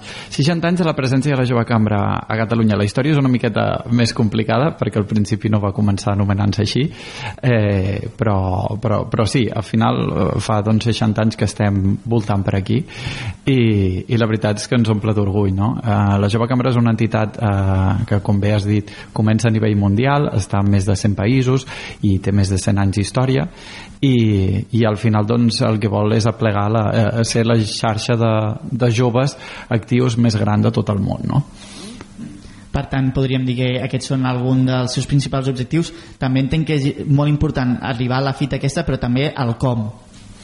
Evidentment eh, de fet nosaltres bueno, sempre, sempre estem innovant mirant eh, què li pot interessar al jovent què li pot interessar a la societat sempre per mirar de millorar, per mirar d'anar més enllà i de crear un món millor no? um, la jove cambra se sustenta en quatre pilars. Un d'ells és el tema de la comunitat treballar per la comunitat, per millorar-la. Uh, per tant doncs, tenim aquestes joves cambres locals ubicades en diferents ciutats. Després tenim l'àmbit de la formació formar els membres, formar la gent. En tot allò que no pots trobar a la universitat o que no pots trobar en l'ensenyament reglat. Després tenim l'àmbit de de, de l'emprenedoria doncs també hi ha cabuda per, per emprenedors, per creació d'empreses per fer una mica de networking també, i després també hi ha l'àmbit internacional, doncs al final com que és una entitat internacional que està en molts països doncs, doncs eh, es fomenta la col·laboració entre països, el fet de, de poder fer projectes comuns eh, de poder viatjar, conèixer gent, gent de tot arreu, és una xarxa molt gran. I quan coneixes algú eh, de dintre és igual al, al país que viatgis que tots són de la mateixa família. Convertim els líders d'avui en els herois del demà. És el, el seu eslògan, no, senyor Gil? Sí, Com ho volen és el, aconseguir? és el d'enguany i, i bé, al final això és un treball que fem dia a dia no? Uh, a través dels projectes que fem dintre de l'entitat doncs el que volem és que, és que aquesta gent que és, que, és, que és líder o aquesta gent que té aquesta espinata dintre, dintre seu de voler fer més cosetes o de voler canviar alguna cosa doncs els, els hi donem totes les eines dintre de Jove Cambra perquè ho puguin dur a terme els hi donem els recursos, l'acompanyament eh, l'equip de treball, els contactes perquè puguin puguin fer aquests projectes i, i convertir-se en aquests herois no? de, del futur, els que al final doncs, estaran aquí canviant, canviant el món o fent-lo millor. L'objectiu, com ha dit vostè, és fer créixer aquestes quatre pilars, aquestes quatre àrees bàsiques, la formació, l'emprenedoria, la internacionalitat. Com ho volen aconseguir? Com, com s'ho faran des, de, des del seu mandat, senyor Gil? Uh, doncs mira, eh, de fet tenim projectes per cadascuna de les àrees no? al final la, la jove cambra eh, bueno, tenim aquests quatre pilars fem projectes d'aquestes quatre àrees que al final també van lligats amb els objectius de desenvolupament sostenible perquè recordem que la jove cambra doncs, també és membre fundadora de, de, de l'òrgan de la ONU i per tant doncs, som l'única entitat que tenim el logo de la ONU dintre del no, nostre logo i llavors sempre treballem no, per, per aquests objectius, per la sostenibilitat eh, i els implementem en tots els nostres programes. No? Llavors, dintre de les quatre àrees doncs, tenim diferents programes. Per exemple, dintre de l'àrea de formació, doncs, en aquest mes d'abril organitzarem una acadèmia catalana, que li diem, que és tot un cap de setmana de formacions doncs, per aprendre doncs, a, a ser un bon líder, a treballar en equip, a, a poder defensar el teu projecte, etc. Després, eh, dintre de l'àrea d'emprenedoria, doncs, organitzem també els premis CIE, que els hi diem, que és el Creative Young Entrepreneurs, que són uns premis premis doncs, a projectes emprenedors que s'hagin dut a terme fa poc, en què els ajudarem a, a fer-los créixer aquests projectes i a més a que puguin eh, optar en un premi a nivell nacional. Si eh, bueno, el guanyador d'aquest premi, de, de, que defensi el seu projecte i, i sigui un projecte bo, eh, tindrà com a premi també poder anar a la conferència europea que es farà el mes de juny a Finlàndia de la Jove Cambra Internacional i poder defensar el seu projecte allà davant d'un munt de, de, de, de gent d'arreu del món, de, de gent que té les seves pròpies empreses, on poden fer networking també, no? i també de professionals que, que saben com eh, jutjar aquest tipus sí. d'empreses i després si guanyessin a nivell europeu se n'aniria sí. a nivell mundial. I a més també que al final, eh, que no sé si està d'acord amb mi, però al final el col·lectiu dels joves també és bastant castigat no? amb el context actual. També és important doncs, que puguin trobar un camí i una manera també de, de poder doncs, doncs expressar-se lliurement i també prendre aquesta iniciativa. No? Correcte, al final nosaltres li, els hi donem les eines perquè ho puguin dur a terme. També organitzem, per exemple, eh, concursos de debat, concursos d'oratòria i, i formar les formacions corresponents perquè aprenguin també a, a tenir la seva pròpia veu i a defensar les seves pròpies idees llavors doncs, doncs eh, intentem una miqueta donar-los les eines, formar-los no? sobretot també en, en creixement personal però en el sentit d'aprendre coses que després tu te pots endur cap a la teva pròpia feina, al teu món laboral o, o a la teva vida personal i aplicar aquests coneixements allà un dels projectes estrella, senyor Gil, és la construcció d'una escola a Gàmbia per part de Jove Cambra, no? Veig que aneu ben informats correcte, això és, eh, és un projecte que està dintre de, de l'àrea de comunitat no? I, que, i que ve ideat des de la jove cambra de Reus que mira, els tinc just aquí al costat ara mateix que, que sóc aquí. Eh, i, i pel seu president el Jordi Cervera doncs, que, que és una màquina i que el que volen doncs, al final treballar perquè bé, la jove cambra sigui present arreu del món però també per, per ajudar aquelles comunitats que estan més necessitades no? llavors la idea és eh, de moment doncs, en recaptar aquests diners ja s'ha anat a, a investigar s'ha trobat un lloc que n'hi ha a Gàmbia una escola que estava doncs, gairebé destrossada que els alumnes doncs, no hi podien fer classe en condicions acabaven deixant les escoles eh, acabaven deixant els estudis tampoc tenien una alimentació correcta i s'ha trobat que allí a l'escola hi ha un petit edifici que també es podria reformar i convertir-se en una cuina perquè tots tinguessin accés a una dieta almenys una mica més saludable, reformar un camp de futbol perquè també doncs, puguin eh, realitzar esport i també doncs, mentalment això els, els ajudi i al final crear un espai entre l'escola, el camp i la cuina on tots els joves de, de, de Gàmbia puguin tenir un punt de trobada, un punt de formació, d'educació i que després puguin tenir un futur millor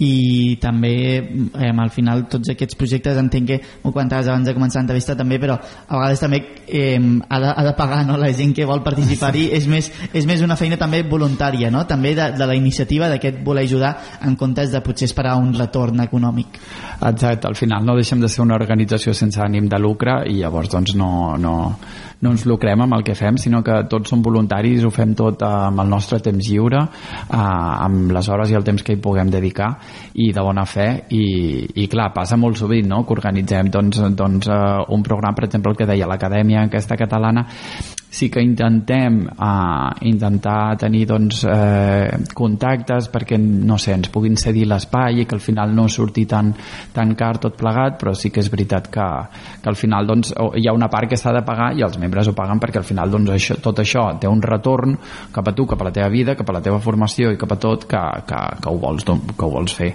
ho vols fer. Intentem que sigui el més reduït possible, però clar, és inevitable. Mm. El senyor Gil és eh, president de la Jove Càmera Internacional de Catalunya des del passat dissabte, dia 27, sí. i ha agafat el relleu de la Georgina Matamoros, escollida vicepresidenta de Jove Cambra Mundial. Ojo, Correcte. ojo, que el llistó està molt alt, senyor Gil.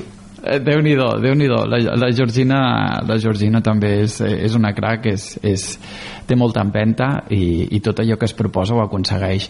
I, i bé, doncs jo estic molt content de, de poder ser el seu relleu, uh, de poder-la tenir com a, com, a, com a precedent, com a mentora, com a, també com a figura aquí, aquí, aquí mirar eh, amb ella hi ha molts més membres que estan dintre de l'entitat que han passat per, pel seu lloc abans que ella i que també són, són molt grans no? eh, jo porto a l'entitat ja aquest serà el novè any i la veritat és que estic molt content he après molt, la meva vida ha canviat molt des, de, des del principi i aquest doncs era un pas que, que volia fer i que, i que necessitava fer també no sé ben bé com va anar aquesta, aquesta presa de possessió i a més també que va comptar amb, amb dos vicepresidents mundials de, de l'entitat, a part entenc de mm. Georgina Matamons. A part de la Georgina també eh, eh, nosaltres com a, com a país, la Jove Cambra de Catalunya al final està a binacional com, com un país més eh, doncs eh, els, els països tenim un vicepresident internacional de, de la Jove Cambra Internacional assignat, el qual doncs, ens ajuda, ens orienta, és el punt de connexió amb la JCI Mundial i, i, i ens ajuda una mica a créixer. Eh, I llavors doncs, va venir la que tenim assignada nosaltres aquest any, que no és la Georgina, perquè normalment no t'assignen a la, a la Georgina no li assignen al seu propi país, sinó li assignen un altre per, per posar-li també aquest repte. Eh, I la que tenim nosaltres assignada és l'Emory White, que és una noia que és australiana. Llavors, doncs, va venir des d'Austràlia, va ser tot un honor que, que hi pogués ser en la meva presa de possessió del càrrec, que al final eh, és una mica graciosa aquesta presa de possessió del càrrec, per així dir-ho, perquè el que fem és que pas presidents nacionals, gent que ha passat per, per, per aquesta posició en anys anteriors i que ja estan doncs, una mica retirats a l'entitat, eh, passen la, el collar de ca, la cadenes eh, on hi ha totes les plaques amb tots els noms dels antics presidents i clar, nosaltres doncs, tenim 60 plaques amb els noms de tots els presidents que hi ha hagut tots aquests anys i li passen de la Georgina i me'l posen a mi i llavors sents el pes de la presidència com et cau al damunt no? literalment. Literalment. Un cop ja amb aquesta cadena amb 60 plaques eh, ara es posaran a treballar.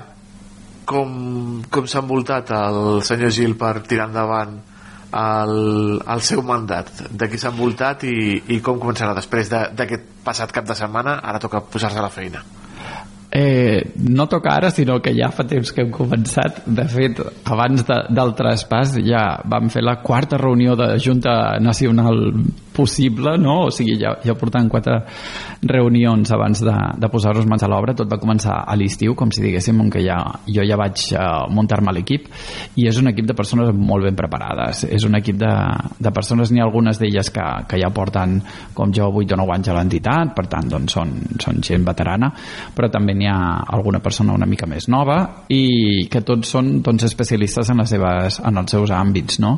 I que, i que fan molt bé la feina. Eh, tenim, per exemple, l'Àlex Riba, que és un, un, un periodista col·laborador també eh, de, de, de vosaltres i que, i que fa molt bé la feina de comunicació. Tenim... Eh, L'hem tingut a Fitur. Aquest, aquest, L'heu tingut al Fitur. Aquests correcte. dies ha estat a Fitur. Doncs ell és membre de Jove Cambra i està dintre de la meva Junta Nacional. Doncs mirin, eh, els líders de l'avui, els herois del demà, amb aquest eslògan de Jove Cambra Internacional volem donar les gràcies al seu nou president i al seu flamant president el Raül Gil que ens ha acompanyat aquesta tarda aquí al carrer Major eh, molta sort molts encerts en el seu mandat i ja sap eh, el carrer Major també és casa seva. Moltes gràcies a vosaltres. Una abraçada. Estàs escoltant Carrer Major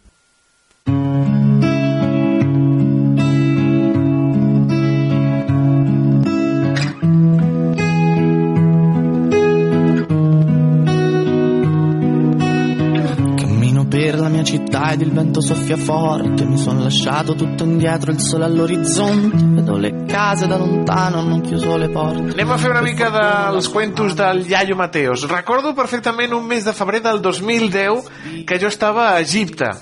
A banda de visitar aquell meravellós país, la seva cultura, les seves piràmides, la seva... Bueno, em queda al cap que el país Egipte va quedar aturat durant unes hores ja que es disputava la gran final de la Copa Àfrica que enfrontava a Egipte contra Ghana. Va guanyar Egipte i Egipte va embogir. Per parlar d'això, d'aquest esdeveniment esportiu al continent veí, tenim el nostre estimat Mohamed Said Badawi al Marroc i parlarem amb ell avui de futbol. Mohamed, bona tarda.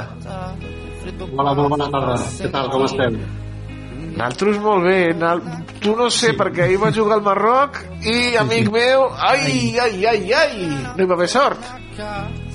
Malauradament és així, eh, no hem tingut sort i bueno, el Marroc va perdre ahir els vuitens eh, de, de final de la Copa d'Àfrica i hem quedat eh, eliminats.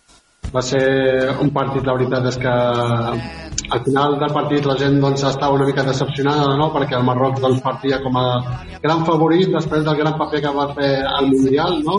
i sobretot doncs, eh, la gent encara se'n recorda no? que no és fàcil quedar quart, eh, quart al, al Mundial i la gent tenia moltes expectatives aquest any de que almenys arribés a semifinals o a finals i per què no guanyar la, la, la Copa d'Àfrica.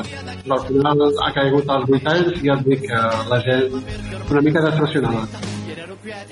Ha plogut des de la vostra darrera Copa d'Àfrica 1976 si no recordo malament i, i, i vau fer un, com has dit tu un bon paper al Mundial i ahir fallar un penal. Ai, ai, ai, ai Sí, la veritat és que, a veure, tampoc és que hagin fet un joc molt brillant ahir, també anaven eh, amb molt de compte, no?, perquè els primers partits que han jugat a la Copa, la Copa d'Àfrica els hi ha passat, eh, els hi ha passat molt, no?, el, el clima i la veritat és que eh, per acabar els 90 minuts doncs eh, patien molt. I ahir es veia que anaven doncs, eh, controlant una mica el temps, no?, però al final amb el gol de Sud-àfrica doncs encara que han volgut eh, apretar una mica més, doncs eh, ha sigut ja impossible.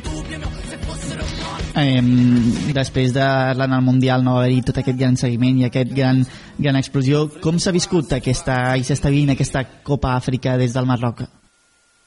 La veritat és que ambient de festa, tots els dies, tots els partits han sigut ambients de festa, aquí als establiments eh, es, eh, enguerneixen, es posen moltes decoracions eh, nacionals i la gent doncs, eh, acudeix als establiments per veure els partits. Eh, molt poca gent doncs, eh, ho, ho, ho viu o, ho veu des de, des de casa. No? La gent eh, prefereix anar a aquests establiments que són cafeteries no? normalment i que eh, hi ha un bon ambient, un ambient espectacular i, i veus el partit com si estiguessis a la mateixa grada del camp, no? la gent cridant, eh, patint, a, a, algun cop i, no, i celebrant també les victòries que, que de les, les primers tres partits que, que vam jugar doncs, eh, algun empat i dues victòries.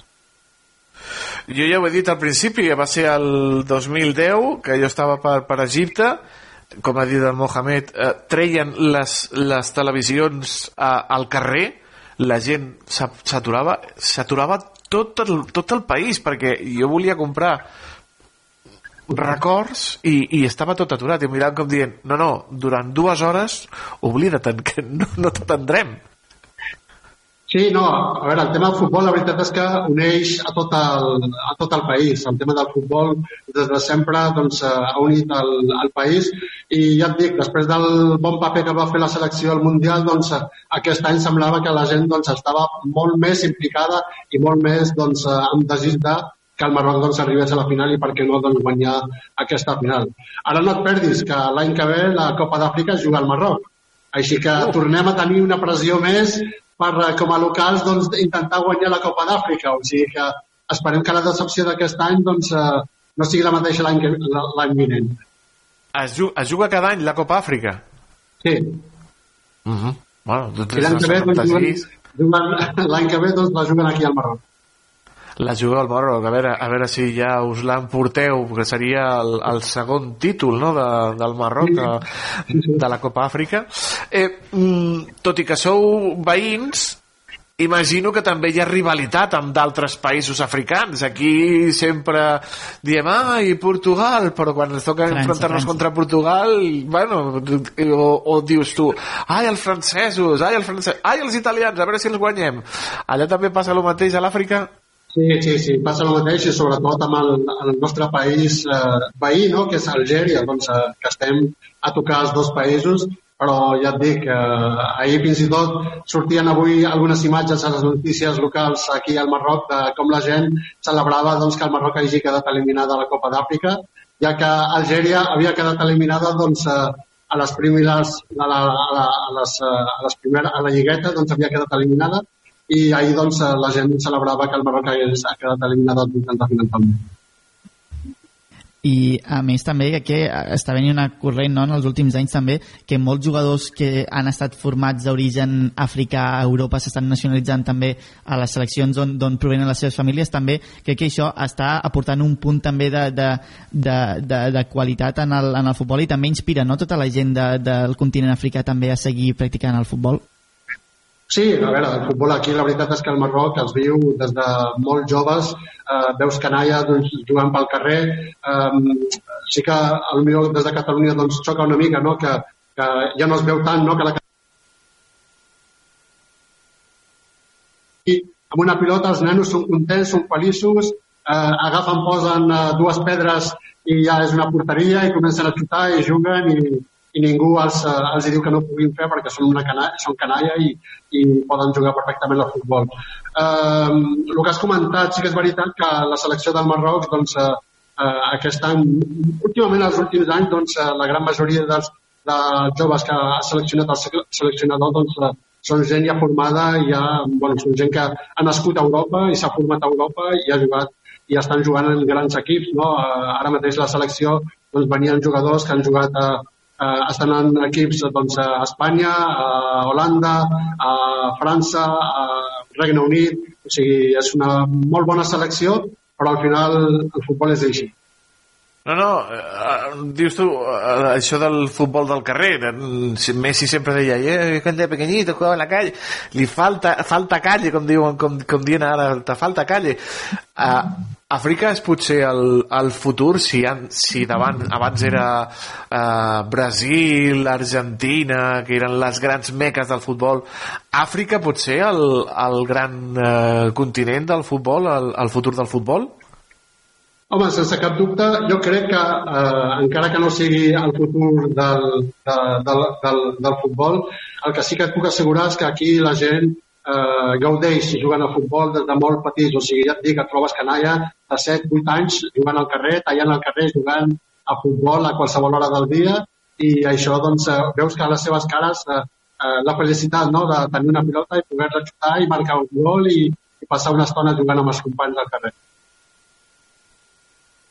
Eh, una de les coses que s'ha estat parlant també en els últims mesos ha sigut la creació d'una hipotètica superlliga de tot el continent africà que Ah, englobaria... però, però, hi, ha, hi ha Superliga Africana, també? S'ha parlat de la creació d'una superlliga d'agafar els millors equips de cada... No, està, de no, hi haurà cada- un Floren, no hi haurà un Florentino de país africà. També hi ha un Florentino africà? Algun deu haver-hi, no? Esperem, esperem primer que la facin la Superliga Europea i ja després doncs, l'africana, però de moment jo no crec que ni es pugui aconseguir ni a Europa ni a Àfrica que es faci una Sí, Superliga no. d'aquestes perquè, bueno, eh, seria, és que jo crec que també hi ha d'haver un termini de descans pels jugadors perquè últimament doncs, són molts partits no, que s'estan jugant entre unes competicions i les altres i, i sembla que cada cop doncs, eh, tenen més termini per poder-se descansar i per poder doncs, eh, preparar-se per, eh, per les grans lligues. No? Per exemple, la Lliga Espanyola estem veient actualment el paper que està fent el Barça i la veritat és que des d'aquí ho segueixo eh, amb molt patiment perquè soc culer i aquest any doncs, eh, ens està passant factura també. Es veu igual de malament, eh, des d'allà que des d'aquí. no creguis que estan aquí tampoc no, tampoc no millora la cosa. Eh? Ens fan patir encara que estiguem a l'altra punta del món. Ja veig jo que sé culer... Bueno, jo no et dic res, perquè jo soc, jo soc colchonero, jo soc de l'Atleti i, i, el, i està en el meu ADN el patiment, o sigui que us entenc perfectament. Mohamed Said Badawi, com sempre, gràcies amic, a cuidar-se molt i tornem a parlar d'aquí 15 dies amb més cosetes des del Marroc. Igualment, una forta abraçada als dos. Una abraçada. Una abraçada. Una Les realitats del Camp de Tarragona a Carrer Major.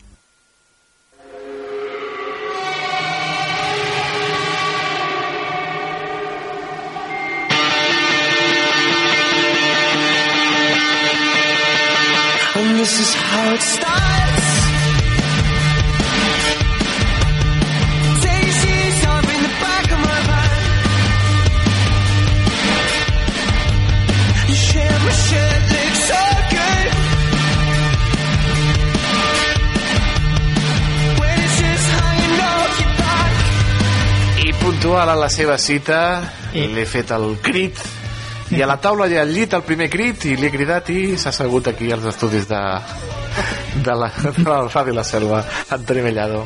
Bona tarda, Toni Mateos. Com estàs? Espectacular, com sempre, amb moltes ganes d'afrontar una nova secció dels Toni. Ui, avui, avui Aleix... Polèmica, Avui crec eh? Polèmica. Ho he estat llegint per damunt i crec que trepitjarem eh, vessals, vessals molt, molt, molta fundària, crec.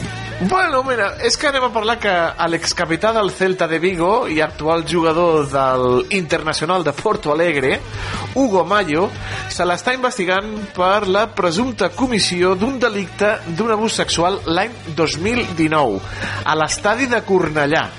Tan sols uns instants abans de que comencés el partit entre l'Espanyol i el Celta de Vigo, que era el seu equip.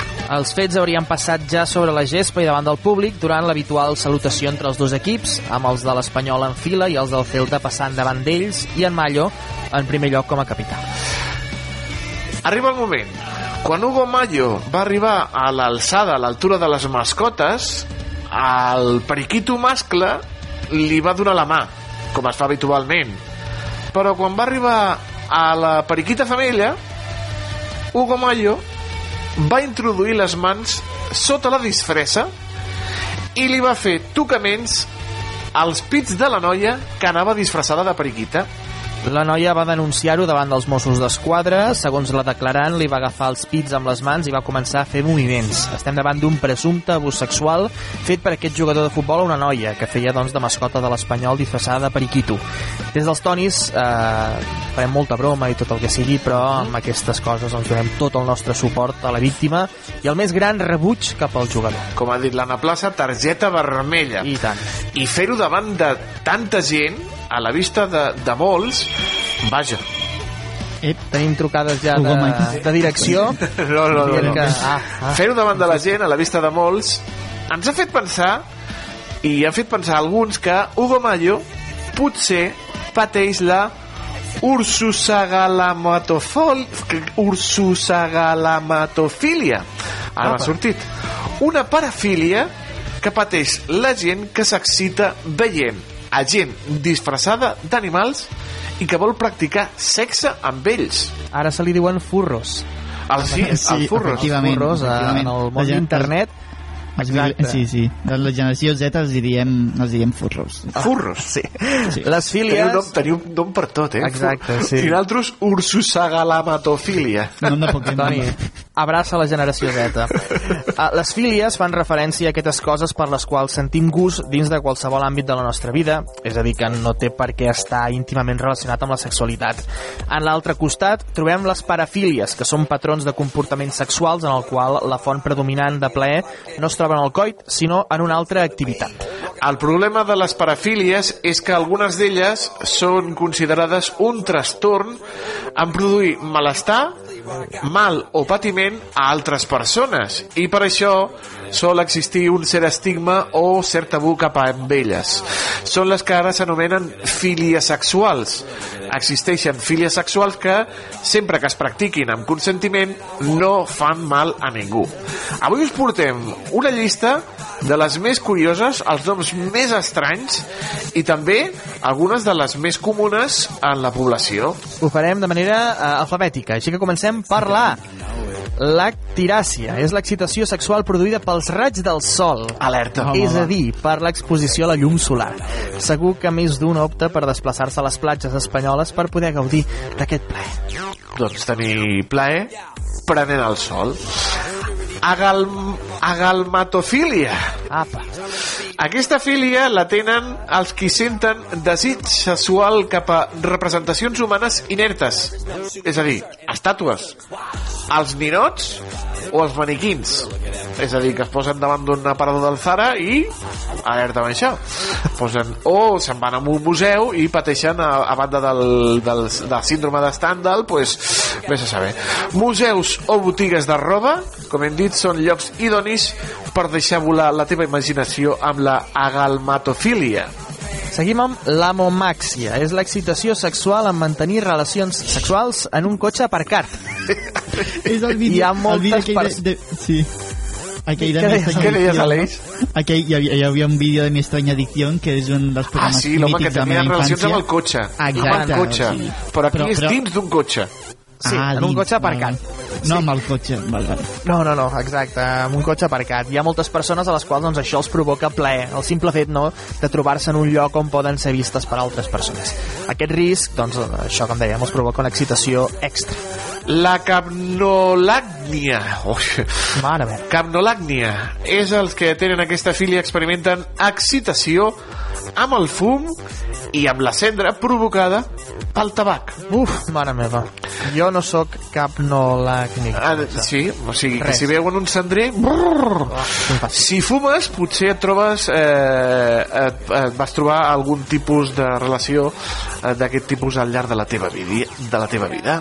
Seguim amb la dendrofília. Es descriu com l'atracció sexual cap als arbres i a les plantes. Sí, és cert. Incloent-hi el seu ús també com a objectes sexuals.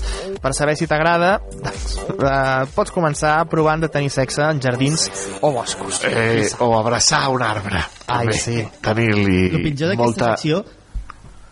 Perdó. Digues, Aleix. No, que el pitjor d'aquesta secció és que et fa volar la imaginació i no vols, no vols. és, és molt dur. La helifília. La helifília és l'excitació sexual pels teixits. Per exemple, uns llençols de seda, un sofà de vellut, tocar així... Ah, tocar la seda... Hi ha una infinitat de teles que poden ser gaudides per aquells que tenen aquesta filia, la helifília. I la cosa va de roba, perquè seguim amb una altra filia, en aquest cas la misofília, una filia que es refereix per l'atracció, atenció, per la roba bruta. Oh! El plaer no està tant a ficar-se al llit amb algú que usa roba sense rentar, sinó en el fet d'olorar i guardar roba bruta d'una altra persona sí. que conservi el seu olor. En fi. I es paga, eh? Es paguen molt per calces i, calços, i calçotets usats. Misofília. Anem amb la clastomania. Es tracta de l'excitació que produeix trencar la roba que vesteix la teva parella sexual. És a dir, fer-li un hulk a la inversa. Destripar la roba. El plaer està en despullar la parella destrossant les eh, seves peces. És molt de pel·lícula, això. Molt de pel·lícula. Molt de pel·lícula. Seguim amb l'espectrofília. Eh? Uh, és l'atracció sexual produïda per la imatge reflectida en un mirall. Normalment el plaer es produeix en realitzar pràctiques eròtiques davant d'aquest, podent mirar mentrestant el reflex. També se li diu narcisisme, això. No, sí, també, també, també. Narcisisme, espectrofília de... Mm, que bé que m'ho faig, que bé que ho faig. Formicofília. Aquí formico, formico... Ai, m'ho puc imaginar. És l'excitació sexual que tens quan certs insectes o animals petits es passegen per sobre dels teus genitals o per la, damunt dels genitals del nostre company. En fi. Uh, formigues, cucs, eh, si, ja, si ja t'atreveixes amb, amb serps, formicofília. Ah, Déu meu. Anem amb una altra, eh, també igual de curiosa, que és la illudofília. És l'excitació sexual que provoca, atenció, escriure frases o paraules sobre el cos de la parella. Alerta, però que, que agafes un rotulador i vas escrivint o un bolígraf i vas escrivint en el... Pots utilitzar bolígraf o també pots utilitzar nata, xocolata, fruita, doncs mm, donem algunes idees, que no Ah. n'hauríem de donar tantes aquí. Vale, vale, no, no, però m'agrada gent m'agrada molt la imaginació. M'agrada això. De d'escriure, jo que sé, t'estimo amb nata i després...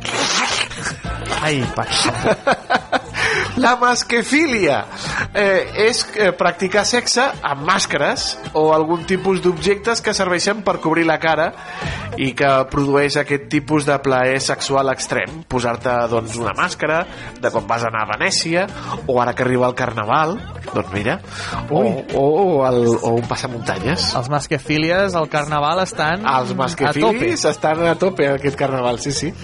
Com també ho estan eh, els parcialistes, eh, que Sí. el parcialisme, no? que fa referència a l'excitació sexual d'una part concreta del cos que no té a veure amb els genitals. Per exemple, peus i mans no Oh, és sí, sí, dels sí, més sí, comuns. Molta gent es veu que s'ha fet d'or venint fotos dels seus peus per certa se li dirà, xarxa, xarxa social.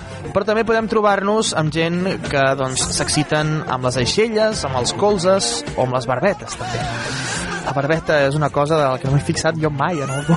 Sí. Bueno, a veure, Kirk Douglas tenia la barbeta així... Bueno, sí, aquestes barbetes que són així t'hi fixes, però ja que està. tenen o aquí sigui, més enllà aquell, foradet Sí, o sí, tal, sí. doncs mira... Lo són- lluelo, aquell, no? Ah, exacte, doncs mira, de parcilisme, a la, o les mans, dius, quines mans més maques que tens, o quins peus més bonics que tens. De nou, amics i amigues, des dels Tonis, el nostre suport a la víctima, eh, la noia que anava doncs, eh, disfressada de perico en el partit de l'Espanyol Celta, i el rebuig més absolut eh, pel presumpte abusador sexual al jugador, exjugador del Celta, el Hugo Mayo, doncs, que el mes de juliol haurà de passar per eh, judici. Eh, mira. Sí. Què t'han semblat la llista de les fílies, parafílies sexuals? A Aleix? veure, n'hi ha alguns que més o menys te'ls puc arribar a comprar, n'hi ha d'altres que dius, home, em, eh, o sigui, tinc dubtes de que trobis algú que també estigui d'acord en, en, o sigui, que coincidissis amb, amb la filia que, que, que tens, però bueno, si, si trobes algú que, que sigui consentit i que li exciti el mateix que tu, doncs endavant, no? El món és un lloc molt gran i hi ha molta gent estranya. Estranya, no, no estranya, que té aquesta, aquestes parafílies. I com hem dit, mentre no molesti, mentre no produeixi mal o malestar o patiment a l'altra persona, doncs mira. Importantíssim. Importantíssim. Antoni Bellado, no Toni és, un, no, és, no és un patiment, és un plaer. Sí, és uh, Toni Fílic. Toni Fílic. Som- Hosti, T'imagines soc Toni Fílic. la gent que s'exciti d'escoltar-nos? Home, a veure, excitar-se en el sentit de que li agrada escoltar que gaudeix. I tant, i tant. En fi, anem-ho a recollir aquí. Toni Mateos, Aleix, ens veiem el divendres. Gràcies, Antoni. Vagi molt bé. Que vagi Adéu. bé. Adéu, adéu. que te lleva a Nueva York, cae la noche, nos vamos pa'l club. Llego de una, me habló. Les realitats del Camp de Tarragona a Carrer Major.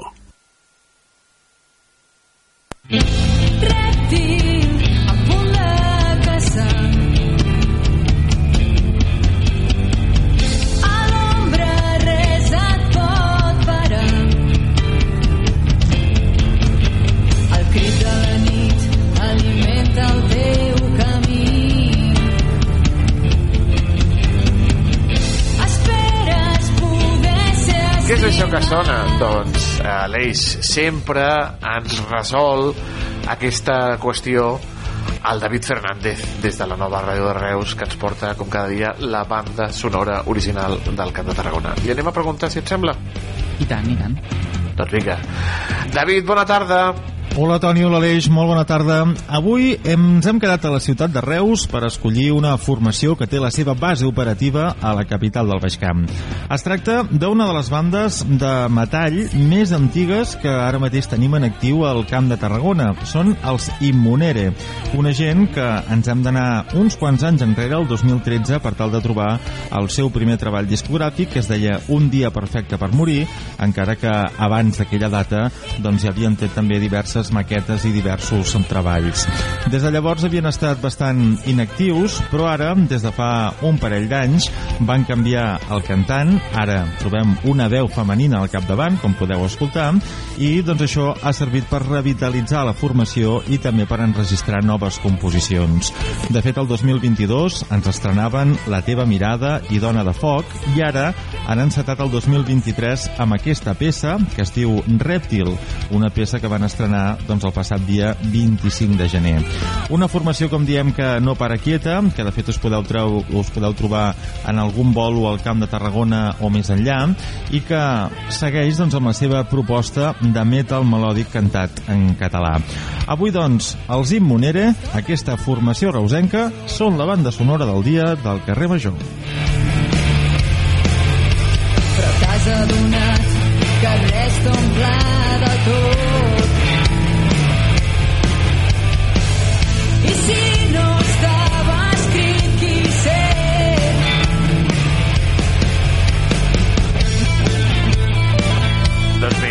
Eh, una banda sonora molt heavy, molt de rock dur, eh, metal que ens porta el David Fernández, que enllacem amb la furgoneta del carrer Major, que cada dia ens porta una dona també dura, una amant del metall. Com és la Mà de ferro, no? Mà de ferro, sí. La Cristina Artacho, que es fa un far de pujar i baixar la furgoneta i avui, doncs, me sembla que es queda per la ciutat de Tarragona. Anem a parlar amb ella. Cristina Artacho, molt bona tarda. Tarda, companys. Avui un dia més a la furgo, com cada dia, com ha de ser, i des del Palau de Congressos de Tarragona, on s'estan celebrant unes jornades que posen el focus en l'accessibilitat en el patrimoni.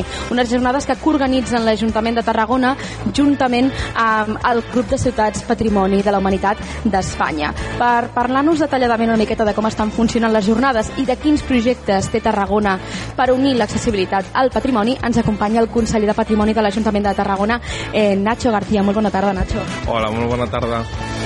Primer dia de la jornada, que també s'allargarà durant el dia de demà. No sé si ens pot valorar una miqueta com està anant i quines són les sensacions, quin és eh, l'ambient? Bé, doncs una primera jornada que ha estat molt intensa. Eh? Hem començat a les 9.30 amb la inauguració, hem fet el dinar i encara doncs, continuen aquestes jornades que, que s'allargaran fins, a, fins a gairebé la, la nit i una valoració molt positiva. Jo crec que, doncs, que Tarragona organitza aquestes jornades en el marc del grup Ciudades Patrimoni, que vinguin companys i companyes, no només regidors, sinó també tècnics de la resta de ciutats patrimoni d'Espanya, doncs sempre, sempre és un honor com a ciutat patrimoni que és Tarragona, doncs de rebre'ls i de, de donar-los la possibilitat de conèixer la ciutat i també de formar-nos com a, com a regidors que, i regidores que som doncs, en un tema tan, tan complex i tan difícil com és l'accessibilitat en els monuments. No? Unes jornades que també han arrencat amb aquestes inscripcions completes. Sí, eh, un centenar aproximadament, més d'un centenar de persones, entre gent que ha vingut de les ciutats patrimoni, que tenim representants de totes les, les ciutats patrimoni de la humanitat d'Espanya, de, també tècnics municipals i membres de la societat en general, societat civil tarragonina, qui també els hi van fer arribar la, la inscripció. Abans de posar el focus en aquests projectes eh, d'accessibilitat en el patrimoni aquí a la ciutat de Tarragona, també m'agradaria saber què ens espera de, de cara a demà aquest segon i últim dia de, de jornades.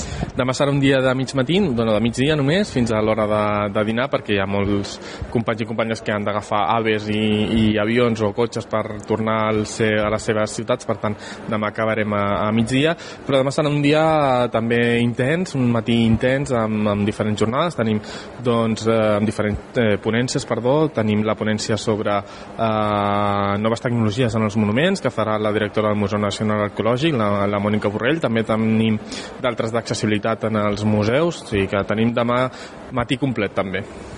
I ara sí, de quina manera està treballant Tarragona per introduir aquesta accessibilitat i fer que els monuments i tot el patrimoni en general pugui gaudir-lo tothom? Mira, aquest matí a la, a la inauguració, el Llago, que és el company de, de Santiago de Compostela i que fa de representant doncs, aquesta comissió de, d'accessibilitat i de patrimoni, no?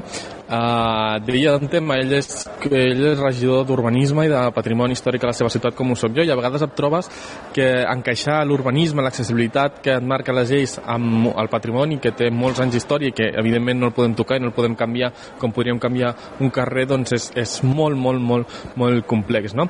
és cert que Tarragona hi està treballant i jo crec que el projecte del Fòrum de la Colònia que està finançat precisament amb uns Next Generation que ens van otorgar per ser ciutat eh, patrimoni de la humanitat doncs serà una primera peça que, que farà doncs, que aquest monument sigui accessible serà aquesta primera peça no? per anar treballant en la resta de, de monuments de la ciutat. Fòrum de la Colònia, també em sembla que l'alcalde aquest matí a la inauguració ha comentat el projecte del Pretori, que potser no està tan avançat, però hi és. Sí, el projecte del Pretori és un projecte que combina accessibilitat i museïtzació de, de la torre del, del Pretori. És un projecte que es va presentar ja fa uns quants mesos a un Next Generation, aproximadament una miqueta abans de, de l'estiu. Eh, eh, optem a 1.800.000 euros de subvenció i encara no està resolt per part del Ministeri, esperem que no, que no trigui, no? però també combina doncs, aquesta nova museïtzació més moderna, més adaptada a les noves tecnologies i també fer accessible el, el monument comentava no, que precisament és difícil d'introduir aquesta accessibilitat en segons quins llocs, perquè el patrimoni és patrimoni i no es pot tocar. No sé quines mesures concretes en diferents llocs de la ciutat es poden impulsar o, com comentava, no, també es parlarà de temes de la nova tecnologia, com, de quina manera ens poden ajudar? Bueno, se- sens dubte les noves tecnologies faciliten molt la vida a, a la gent i també a les persones amb discapacitat o amb capacitats diverses no? que, que, que vulguin eh, accedir al nostre monument. El que nosaltres hem de fer doncs, és fer-los accessibles al màxim perquè tothom els pugui gaudir. Jo, si ara que em preguntes per accions concretes, jo crec que el, el Fòrum de la Colònia és un bon exemple, no? perquè s'eliminen les escales d'entrada que ara mateix tenim pel carrer Lleida el que es fa és una rampa d'accés pel carrer Cardenal Cervantes, que serà accessible, per tant ja tenim allà un punt, i s'elimina també el pont superior d'estil eh, japonès que, que és tan característic i que hem vist durant molts anys, doncs aquell pont s'eliminarà i es posarà una plataforma a peu pla accessible també de tal forma que es puguin anar de les dues peces, diguéssim, que, que formen el Fòrum de la Colònia o l'espai museístic del Fòrum de la Colònia es pugui anar sense haver de passar per una rampa que pugui dificultar l'accés. I ja per, per acabar, comentàvem no, que aquestes jornades són per part de l'Ajuntament de Tarragona, en col·laboració amb el grup de ciutats Patrimoni de la Humanitat. No sé si també és una, oportunitat, a banda de, per aprendre, per fer una miqueta de networking i aprendre i agafar idees d'altres ciutats que formen part d'aquest grup per aplicar-les a la nostra. Sens dubte, eh? formar part del grup Ciudades comporta eh, molts beneficis. Un d'ells és conèixer persones d'altres municipis que tenen ahir al sopar, per exemple, eh, ho comentàvem, no? Jo estava, estava sopant amb, amb el llago de Santiago Compostela, també amb companys de Córdoba i de Segovia, i al final parlàvem i dèiem, hosti, tots tenim uns problemes eh, molt semblants a les nostres ciutats pel que fa al patrimoni i, i poder aprendre també de les experiències perquè no tot ho fem bé ni tot ho fem malament, no? doncs aquesta idea de- d'aprendre de, de les experiències d'altres ciutats enriqueix molt. No? A l'estiu ja vam tenir una prova, com vam fer aquí l'assemblea del grup Ciudades Patrimonio, amb tots els alcaldes que formen part de- d'aquest grup, i ara doncs, amb aquestes jornades ho acabem de, de rematar, i també amb la resta de jornades que es fan en altres eh, poblacions, no? perquè no, no tot es fa a Tarragona, evidentment, també a Còrdoba fa poc hi va haver unes altres jornades i continuaran havent. Doncs ja ho sabeu, aquestes jornades que estan tenint lloc aquí al Palau de Congressos de Tarragona durant el dia d'avui i el dia de demà que posen el focus en com fer més accessible eh, per tothom el patrimoni. Moltíssimes gràcies al conseller de Patrimoni de l'Ajuntament de Tarragona, el, el Nacho García, per atendre'ns i nosaltres ens veurem ben aviat a la propera furgó. Adeu! Adeu, Cristina, moltíssimes gràcies. Déu-n'hi-do, Aleix, quin programa el d'avui, eh? Quin viatge, eh? És que passen tantes coses en, en les dues hores de programa de carrer Major que gairebé eh, no ets la mateixa persona que quan has començat el programa que quan l'acabes. No, no, hem escoltat a, que a primera hora l'entrevista amb el Josep Bages, amb el senyor Josep Bages, les notícies, amb el nou president de la Jove Cambra Internacional de Catalunya, eh, hem anat amb el Mohamed, els Tonis i les filles i les parafílies, la Cristina, la banda sonora... Tot això només passa aquí al carrer Major, a les 8 emissores del Camp de Tarragona i a la xarxa de comunicació local. Aleix, fins demà. Fins demà, Toni Mateos, un I a tots vostès. Els esperem també demà, aquí, a Carrer Major. Que vagi molt bé, cuidin-se. Adéu. a l'estiu per llançar birres i platja quina tarda vam passar bufava tramuntana de risses entre onades i la teva mirada se'n va quedar clavada. Després de mil històries al setembre ens hem plantat i és que és una putada que es faci fos tan aviat. I si tenim molt a perdre i si no ens tornem a veure no em diguis que això s'ha acabat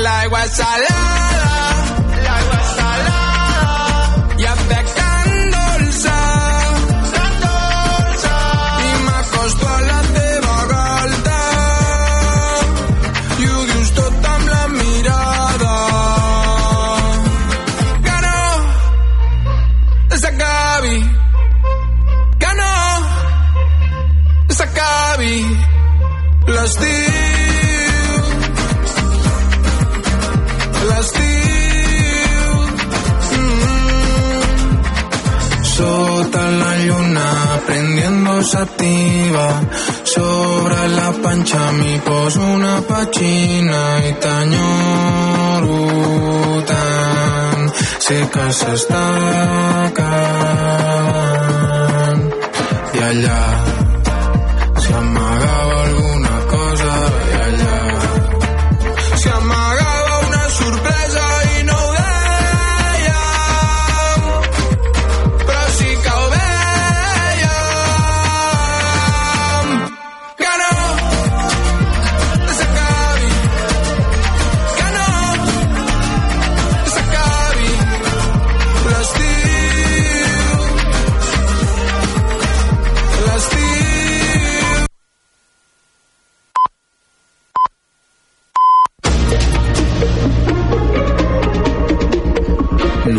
Notícies en xarxa. Bona tarda, són les 6. Us parla Mercè Rura. El ministre de la Presidència i de Justícia, Félix Bolaños, ha insistit aquest dimecres que el no de